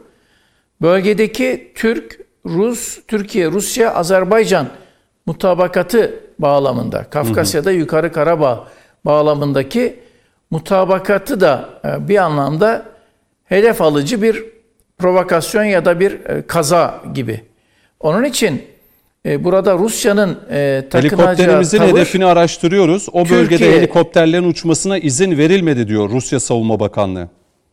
Ya açıklama da önemli. Yani Evet yani e, e, yani bakıldığında bir haberde de bu e, 102. Rus askeri üssüne ait bir konvoya eşlik ediyor da Evet. deniliyor. Yani bakıldığında böyle bir haber de var. Bilemiyoruz ama sonuçta burada krizin sürecini, seyrini belirleyecek olan e, bu soruşturma ve Rusya'nın takınacağı tavır. Bir taraftan da mesela bir takım haberler var. E, Rus Hava Kuvvetleri Hazar Denizi üzerinde savaş uçakları uçurmaya başladı gibilerinden. Bu tür haberler, e, bu tür e, krizlerde tabii eksik olmaz ama ben özetle şunu söyleyeyim. E, Yukarı Karabağ mevzu e, Kafkaslar'da aynen 2008'de olduğu gibi Türkiye ve Rusya arasında en temelde e, sürecin, ilişkilerin geleceği e, açısından önemli bir krizdi, önemli bir savaştı. Ve e, burada e, Azerbaycan'ın işgal edilmiş topraklarını tekrar kazanması ve bu anlamda Rusya'nın takınmış olduğu e, tavır oldukça önemliydi. Rusya bir anlamda işte Paşinyan'ı ve e, burada e, Soros'un e, projelerini e, devre dışı bırakırken, e, zayıflatırken, akamete uğrat, uğratırken diğer taraftan Türkiye ile Suriye e, başta olmak üzere başlattığı bu Astana süreci ya da Astana e, e, birliğini Türk İslam coğrafyasını içine alacak şekilde daha da genişletmeyi burada hedefliyor görünüyordu. Dolayısıyla Rusya'nın buradaki önceliği Türkiye, Rusya ve Azerbaycan üzerinden Kafkaslar'da yakın çevresinde de güvenliğini bir şekilde teminat altına alma olarak karşımıza çıkıyordu yakın çevresini. Çünkü Rusya şunu çok net bir şekilde anladı. Belarus başta olmak üzere Ukrayna'daki e, mevcut krizde e, göz önünde bulundurulmak suretiyle Kırgızistan'da yaşanan e, gelişmeler de bu anlamda dikkate alındığında Rus yakın çevresi oldukça hareketli ve bu Rus yakın çevresinin önemli bir kısmı da Türk ve Müslüman ülkelerden oluşmakta. Dolayısıyla e, Rusya bu yukarı Karabağ e, konusunda aynen e, Suriye ve benzer hadiselerde olduğu gibi Türkiye ile birlikte işbirliğini e, burada ön plana çıkartan bir tutum izliyordu. Ben bundan dolayı e, açık söyleyeyim bu e, Rus e, helikopterinin düşürülmesinin yukarı Karabağ'da ciddi bir e, krize, ciddi bir e, soruna yol açacağını zannetmiyorum. Çünkü yukarı Karabağ noktasında sonuçta Ankara, Bakü ve Moskova arasında bana göre varılmış bir mutabakat var ve e, bu anlamda Astana süreci Kafkasları da içine alacak şekilde Türk dünyasını özellikle Orta Asya'ya Hazar'ın öteki e, öte öteki tarafında içine alacak şekilde genişleyecek bir eğilimi de ortaya koyuyor. Bunu Rusya riske atmak istemez ve e, bu krizi daha da büyütmek istemez. Zaten Azerbaycan tarafından yapılan açıklamada hem özür var hem e, bunun kazara olduğu bir art niyet taşımadığı hı hı. hem de e, e, tazminat e, ödeneceği noktasında. Onun için e, olmaması gereken Peki. özellikle Ermenistan sınırları içerisinde belki olmaması gereken bir hadise. Ama sizin az önce altını çizdiğiniz husus çok önemli. Rusya tarafı da bu hadiseye oldukça temkinli yaklaşıyor ki Ermenistan içerisinde tabi bir Rus durumu kötüye kullanmak isteyen bu şekilde olabilir. kullanılabilmesi de Rus Rusya açısından bir zafiyet aslında. Yani bir Rus e, savaş helikopterini bir Mi-24'ü nasıl bir başkası alıp e, Rusya'nın bölgedeki e, politikasını e, akamete uğratmaya ve orada e, kurmaya çalıştığı işbirliği sürecini hı hı. E, bir anlamda krize sokmaya yönelik bir operasyonun parçası olabilir. Gelen, Eğer böyle bir şey varsa hı hı. bu Rusya'nın güvenlik politikaları ve oradaki e, askeri e, varlığı açısından da e, oldukça düşündürücü. Eğer öyleyse ben size söyleyeyim hem e, Rusya'daki generallerden e, bazıları ciddi anlamda burada e, dört bakan yarın alınıyor görevden biliyorsunuz. E, gider. Rusya'da yarın Efendim? dört bakan görevden alınacak. Rusya'da dört bakan yarın itibariyle Bakanlar görevden, görevden alınıyor ama generaller de bunun üzerine alınabilir yani. Hı hı. İşte onu, Eğer onu böyle bir şey varsa istedim. Rusya onu. Hı hı. tabii tabii Rusya kendi içerisinde Biden e, e, dönemine yönelik olarak e, görünen o ki hazırlığını yapıyor hı hı. ve mücadeleye hazır olduğu mesajını veriyor. Eğer burada Rusya bir provokasyonu yakalarsa, bir sabotaj girişimini yakalarsa Ermenistan içerisindeki efendime söyleyeyim silahlı kuvvetleri ve oradaki Mi-24 hadisesinde evet. hem istihbarattan hem de silahlı kuvvetlerde bir takım e, ciddi adımlar atması gerekebilir Peki. ya da atar. Peki. Şimdi Rusya Savunma Bakanlığı helikopterimizin hedefini araştırıyoruz. O bölgede helikopterlerin uçmasına izin verilmedi. Helikopterin kaçırılma ve kötüye kullanma ihtimali var diyor. Mehmet Seyfettin Hocam'la da bunu konuştuk. Ee, Rusya Savunma Bakanlığı'ndan gelen ilk açıklamalar böyle. Tabii hani Putin, Lavrov bunların yapacağı açıklamalar önemli. Az önce Mehmet Hocam'ın da belirttiği gibi Hazar Denizi üzerinde savaş uçaklarının uç, uçmaya başladığı da geliyor. Tabii geçtiğimiz e, dakikalar içerisinde Rusya Dışişleri Bakanlığı Sözcüsü Zaharova da Karabağ'daki çatışmanın askeri çözümü yok diyor. Rusya'nın e, bakış açısını bir kez daha teyit edebilirim. Ülkemiz bu krizin askeri yollarla çözümüne destek vermiyor ve biz tarafları derhal ateşkese çağırıyoruz diyoruz ama 30 senedir barış masasında da bir şey yok. Evet. E, dolayısıyla Azerbaycan Şuşa önemli bir kent yani sembol bir kent. Kafkaslar için çok kadim bir şehir. Evet. Ee, ve orada e, İlham Aliyev'in dediği gibi hem e, bayrağın dalgalanması, ezan seslerinin yükselmesi, yükselmesi bu mesajlar önemli. Yani Azerbaycan durmayacak öyle gözüküyor. Han kendi de artık çok kısa bir mesafede. Evet. Yanılmıyorsam 10 kilometre gibi bir mesafe söz konusu. Nasıl görüyorsunuz bu gelişmeyi? Bu Rus Şimdi, helikopterinin e, de düşürülmesi Seyfettin olayı, hocam, hadisesi. Evet Seyfettin Hocam çok e, net bir şekilde izah etti zaten. Ancak benim gördüğüm bu e, olaylarda Rusya şu anda iki e, iki derede bir arada kaldığını görüyorum. Onlardan hı hı. bir tanesi şu. Kaçırıldı dese ki bu açıklama yapıyor. Kaçırılmış olabilir. Evet bu da onun için bir imaj e, zedelemesi. Hı hı.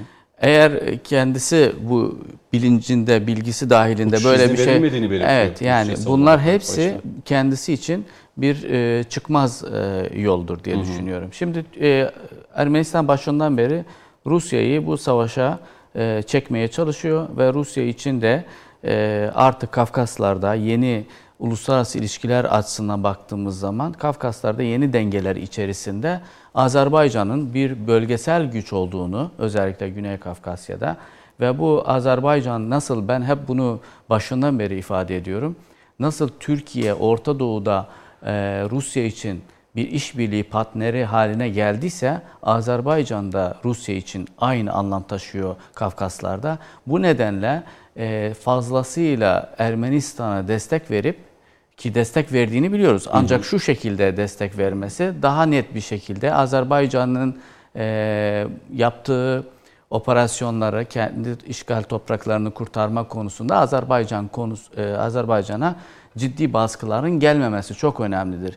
Ben hep bu örneği veriyorum. Yani savaşlarda tabii çatışmalarda e, bir saatte önemlidir, 47 48 saatte önemlidir. Bu yüzden e, bu savaşın, bu çatışmanın Azerbaycan kendi işgal topraklarını kurtarana kadar devam edeceğini ve karşı tarafında e, bu konu bu konuda herhangi bir gücünün olmadığında Ermenistan'ı kabul etmemiz gerekiyor. Şimdi burada Minsk grubunu biliyorsunuz yıl 26 yıldır bu konuyu işliyorlar ve bu sorunları özellikle Karabağ ya da Azerbaycan'ın işgal edilmiş toprakları konusunda dondurulmuş sorunlardır. Hı hı. Şimdi Azerbaycan için aslında konjonktürel anlamda çok önemli bir fırsat yakalamış durumda. Hatta Paşinyan'ı biz buradan eleştirebiliriz ama çok faydasının da olduğunu düşünüyorum.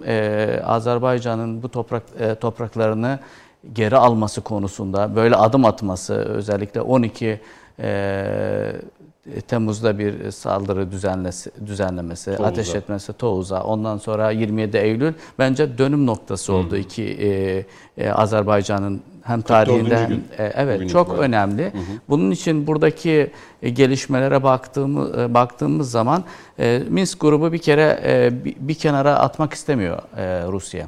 Nedeni de şu bu konuda bakın Putin geçen bir açıklama yaptı. E, masada herkes olacak. Türkiye dahil e, birçok ülke Doğru. olur.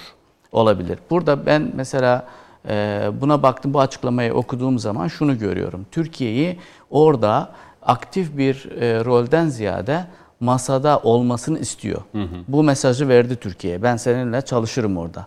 Ancak e, Kafkaslar'da güç paylaşımını, güç dengeleri e, konusunda dengeleyici bir unsur olarak görüyor Türkiye. E, çünkü e, şunu da söylemek lazım. Rusya, Kafkaslara ABD'nin, Batı'nın, işte Çin bunun içerisine, Çin'i de katabiliriz bu güçlerin girmesini istemiyor. istemiyor. Ve dikkat edin ABD bugüne kadar e, her ne kadar seçim e, seçimlerden dolayı biraz e, belki bu konularda geri kalmış olarak görünse de ama bana göre ABD hep şunu ifade ediyorum. Küresel güçlerin sessizliği genellikle o sorun için ya sponsor bulmuşlar ya o sorunun derinleşip daha da e, büyümesini istediklerini hı, düşünüyorum. Hı. Bu yüzden e, buradaki e, ABD'nin bu kadar sessizliğini aslında Kafkaslar'da Rusya'ya ihtiyaç duyulacak şekilde bir barışın olmamasını istiyorlar. Yani Rusya'nın oradaki pozisyonunun zayıflanması ya da ihtiyacının e, azalma e, Rusya'ya ihtiyaç duyulmanı, duyulmasının azalmasını istiyorlar. Bu yüzden şu, ABD mesela, sessiz olduğunu hı hı. ya da sessiz bir değil de aslında bekle gör politikasıdır bu. Rusya da bunun bilincinde. Azerbaycan şu anda 30 yıl önceki bir Azerbaycan değil, değil. zaten. Şunu merak ediyorum. Karabağ'da e, Ermeni askeri kalmayacak. Öyle gözüküyor. Zaten şu andaki şunu söyleyeyim. Türkiye zaten başından beri bakın ne e, Türkiye ne dedi? Bütün işgal edilmiş topraklardan geri çekilmesi tamam. ka- e, kaydıyla tek çözüm Şunu budur. anlamaya çalışıyorum. Ve ondan sonra Şimdi masaya Moskova oturulacak. Moskova diyor ki e, yani masada yeniden çözümden yeniyiz. Yani 30 yıldır masada zaten barış adına şey yapılamadı. Evet. Şimdi e, Azerbaycan durmayacak öyle gözüküyor. Evet. Azerbaycan ordusu bu ilerleyişini sürdürecek. Yani Karabağ tamamıyla Ermeni askerlerinden temizleyecek. Çok ciddi anlamda motive oldu Azerbaycan. Sonra ne olacak? Halkıyla Yine bir masa mı kurulacak? E, bittikten sonra masa kurulmasına ben e, açıkça tamam. düşünüyorum. Niçin kurulacak o masa? Barış e, iki e, ülke arasında barış olması. Ateşkes, barış. Ateşkes evet bu sefer bu kez e, farklı bir boyuta taşınacak. Yani Minsk grubu bugüne kadar bu bu e, bu sorunu dondurarak hı hı. herhangi bir sonuç Azerbaycan e, tarafından bakalım. Bir sonuç elde edilmedi. Sadece statükoyu korumak istiyorlar. Şu andaki amaç bu. Ancak Azerbaycan'ın bugün ilerleme kaydettiğini görüyoruz. Yani %20 topraklarının işgalini şu anda e, ciddi e, %40'lara 40'lara yakınını ciddi anlamda e, kurtarmış durumda. Yani burada Azerbaycan için ilerlemesi bu fırsattır. Bakın eğer bunu kaçırırsa Azerbaycan bu fırsatı bence bir 10 yıl sonra anca yine yeniden böyle bir e, konjonktür ortaya çıkacak. E, bu büyük bir fırsattır. Bu aynı zamanda şunu da söyleyeyim. Bakın e, bundan önceki Cengiye saldırıları 100 kilometre savaş alanından uzak olmasına rağmen işgal ettiği topraklardan saldırmaları, özellikle sivilleri hedef alması Ermenistan hep Azerbaycan'dan şunu bekledi. Karşılık verip işte bakın demek ki Azerbaycan'ın işgal etmiş ettiği e, edilen topraklarını sadece kurtarmak amacıyla bir e, e, operasyon düzenlemiyor. Hı. Aynı zamanda gözü Ermenistan topraklarında da var gibi göstermeye çalıştılar. İkinci nokta da şuydu. Azerbaycan halkı içerisinde de bir e, tepkiye yol açması. Ancak şunu söyleyeyim. Yani biz yıllardır ben Azerbaycanlı kardeşlerimle arkadaşlarım çok dostum var içlerinde. Hı hı. Yani hepsi çok iyi bilinçli bir şekilde e, kendi tarihlerini ve işgal edilmiş topraklarını geri alınması için ciddi anlamda hep hayalleriydi ama bugün e, gerçekleştiğini görüyoruz. Onun için bu sürece baktığımız zaman bundan sonraki e, süreçlerde de Azerbaycan eğer bir masa kurulursa işgal edilmiş topraklarından Ermenistan askerlerinin tamamen geri çekilmesi şartıyla kurulacak ve yeni bir Kafkasya dengesinin ortaya çıkması gerekiyor. E, bu Astana süreci biraz e, Suriye'de farklı, burada farklı çünkü e, jeopolitik coğrafya olarak farklı var. E, burada yeni bir e, e, bir masa kurulduğu zaman da eğer Türkiye bu masadaki olacak. Ancak bugün dikkat edin uçak açıklamasından, e, uçak düşürülmeden önce e, İlham Aliyev'in bir açıklaması vardı. E, gerektiğinde biz Türkiye'den asker talep ederiz. Yani Türkiye'nin Çok buraya, büyük bir tehdit, tehdit gördüğümüzde Türk askeri, Türk buraya, askeri gelecek. buraya gelecek ve ben davet edeceğim diyor. ve ona karşılık bunu e, bu bu şekilde yani biraz Azerbaycan bu konuda aslında biz karşı tarafın şeylerine de bakıyoruz. Kendisinin de bu konuda çok hassas olmasına e, hassas olmasında fayda var diye düşünüyorum. Çünkü dünyanın tepkisini alacak e, adımda. Mesela şimdi Rusya ne tepki vereceğini şunu söyleyeyim. E, Seyfettin Hocam da söyledi. Yani belki içeride bir tepki verir. İşte generaller değiştirir. E, işte Bakanlar bir değişiyor değişim, zaten. bakanlar değişiyor zaten. E, kendi içerisinde bir e, reform yapabilir ama bunun aslında e, bu kez e, dış politika bakımından, kendi imaj bakımından Azerbaycan'a karşı nasıl bir tavır alacağını ben de e, Mesela Enerji Bakanı yarın değişiyor. Şunu evet, şunu da söyleyeyim. e, ben de şu kanaatteyim. Azerbaycan'a çok büyük bir tepki vereceğini düşünmüyorum. Çünkü özür dilediği ben baktım Evet. şimdi haberlerde Yani tazminat yol ödeyeceğini. açmayacağını düşünüyorsunuz bu kriz evet yani Peki. Rusya için şu anda artık Rusya şunu söyleyeyim. Suriye'de, Libya'da, başka bölgelerde ve yeni e, ABD Başkanı Biden'ın nasıl bir tavır alacağını bilmeden yeni bir kriz kapısının kriz kapısının açılmasını istemez diye düşünüyorum. Peki. Yani bunu da Kafkasya Şimdi- üzerinden düşünmemiz Tamam. gerekiyor. Son dakikalarımız e, belki şimdi Donald Trump biz konuşurken patır patır tweet atıyor. E, Mehmet Hocam hem de Ali Semin. Şimdi 20 Ocağı hani kadar biz- süresi var işte. Tabii tabii biz e, program başında konuştuk. Şimdi özellikle kritik bu eyaletlerle alakalı. Nevada sahte oyların lağım çukuruna dönüştü diyor. E, ve piyasaya sürüldüğünde kesinlikle şok edecek şeyler göreceksiniz diyor. Wisconsin eyaletiyle alakalı şunu söylüyor Donald Trump. Wisconsin çok iyi görünüyor. Yasal olarak biraz zamana ihtiyacı var. Yakında göreceksiniz diyor. Pensilvanya ile alakalı yani itirazların olduğu Evet. eyaletlerle alakalı. Pensilvanya sandık sayımının çoğunu izlememizi engelledi. Ee, bu Amerika'da düşünülemez ve bu yasa dışı diyor. Yani Trump e, Amerika'da bir kaos ortamı oluşturacak öyle Hatta gözüküyor. Yani bu Senato'nun da bir açıklaması vardı bugün Cumhuriyetçilerden.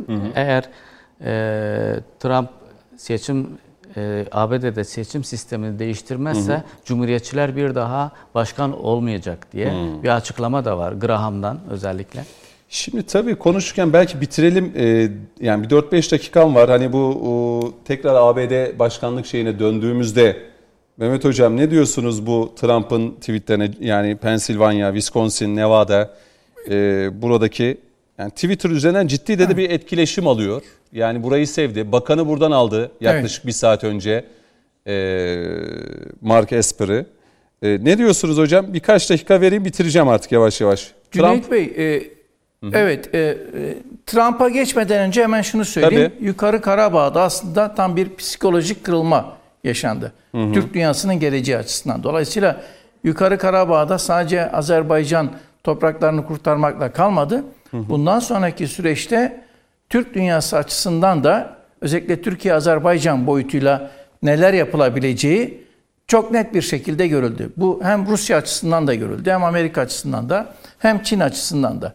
Bundan sonraki süreç Türkiye ve Türk dünyası ve dolayısıyla Türk Konseyi'nin de çok daha etkili olduğu, bunun çok daha farklı noktalara varabileceği bir sürece işaret ediyor.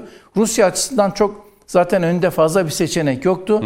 Bu e, e, oluşumu, bu süreci şu an Rusya kabullenmiş vaziyette ve nasıl işbirliği yapacağı mevzuna bakıyor. Son bir hususta evet Astana burada aslında Suriye boyutuyla sembolik bir anlam taşıyor. Ee, ama özü itibariyle 16 Kasım 2001'de Türkiye ve Rusya arasındaki Avrasya'da işbirliği eylem planının Suriye boyutuyla Orta Doğu'da bir yansıması ama bunun artık Kafkaslar ve diğer alanlarda da Türk-Rus işbirliği kapsamında nasıl bir boyut alabileceği ile ilgili önemli. O yüzden Astana sembolleşmiş bir şey. Yani bunu sadece Suriye bağlamında düşünmemek lazım. Türkiye ve e, Rusya Suriye dahil olmak üzere kriz alanlarında nasıl işbirliğine gidebilir? Ya aslında çok önemli bir örnek diyorsunuz. Az önce şunu söyledim. Tabii, tabii tabii. Yani Türkiye ve Rusya kriz alanlarını nasıl bir işbirliğine ve fırsata çevirebileceği ile ilgili Suriye sonrası Kafkaslar'da da ki bunun önce 2008'de Gürcistan boyutuyla örneğini koydu. Bugün Yukarı Karabağ bağlamında da bunu devam ettiriyor. Dolayısıyla 16 Kasım 2001'de Avrasya merkezli Türkiye ve Rusya'yı da hedef alan Amerika'nın tek kutuplu dünya hegemonya anlayışına karşı Türkiye ve Rusya'nın buradaki duruşunu bundan sonraki süreçte de devam edeceği görülüyor. Peki. Bu süreç Türk-Rus ortaklığıyla Çin ve e, Amerika arasında da farklı bir takım dengeleri, denklemleri getirebilir. Bunu ayrıca konuşabiliriz. Trump bağlamında yaşanan son gelişmeler Amerika'nın artık çivisi çıktı. Yani bunu çok net bir şekilde e, konuşmak lazım. Ve şunu söyledim ben az önce. Hangi Amerika, nasıl bir Amerika, kimin Amerikası? Bugün iki temel tez burada çatışma halinde. Trump Amerika'yı tekrar kendi e, e, halkı, kendi e, gerçekleri üzerine inşa etmek istiyor. Yani bugün Amerikan milliyetçiliği üzerine, e, Amerikan e, muhafazakarlığı üzerine, Amerikan toplumunu, Amerika'nın kendisini esas alan bir arayışın içerisinde. E, Buna, e, ama karşısındaki ise sizin az önce e, müesses nizam olarak da ifade ettiğiniz o derin Amerika, Amerika'nın kendi içerisindeki güç odakları e, kapsamında da bir e, e, burada mücadele söz konusu. Dolayısıyla Amerika kime hizmet edecek? Amerika kendi halkına mı hizmet edecek? Amerika İsrail'e mi hizmet edecek? Kimin projesini gerçekleştirecek? Ondan dolayı şu an Trump aslında bunun mücadelesini veriyor. Amerika'nın gerçek manada bağımsızlığını aslında gündeme getirmeye çalışıyor. Diyor ki biz Amerika olarak kendimiz, kendi hür irademizi bile sandığa yansıtamıyoruz. Kendi oylarımızı burada koruyamıyoruz. Dolayısıyla Amerikan halkı kendi iktidarını seçemiyor diyor. Bu Amerika açısından çok daha büyük, ciddi bir e, sorun. Ama bu devam ettirilebilir mi? Hayır. Bana Peki. göre Trump kaybetti. Çünkü Amerika'yı kuran dinamikler Amerika'ya yüklediği rolü oynatmaya çalışıyor. Dolayısıyla e, Trump'ın iddiaları e, belki tırnak içerisinde deli saçması olarak da nitelendirilmek suretiyle herhangi bir kanıt bulunamadı denmek suretiyle örtbas edilecek ve Amerika burada kendisinin varoluş misyonuna uygun bir şekilde devam edecek. Biden'ın da burada verdiği vaatlere baktığımızda ki ben bunu diyet olarak çok net bir şekilde ortaya koydum. Bu diyet kapsamında kendi rolünü oynayacak. Bugün Amerika e, e, Biden çok net bir şekilde Büyük İsrail e, çerçevesinde rolünü oynayacak. Büyük İsrail üzerinden Büyük Amerika e, inşasını e, devam ettirecek gibi görünüyor. Peki.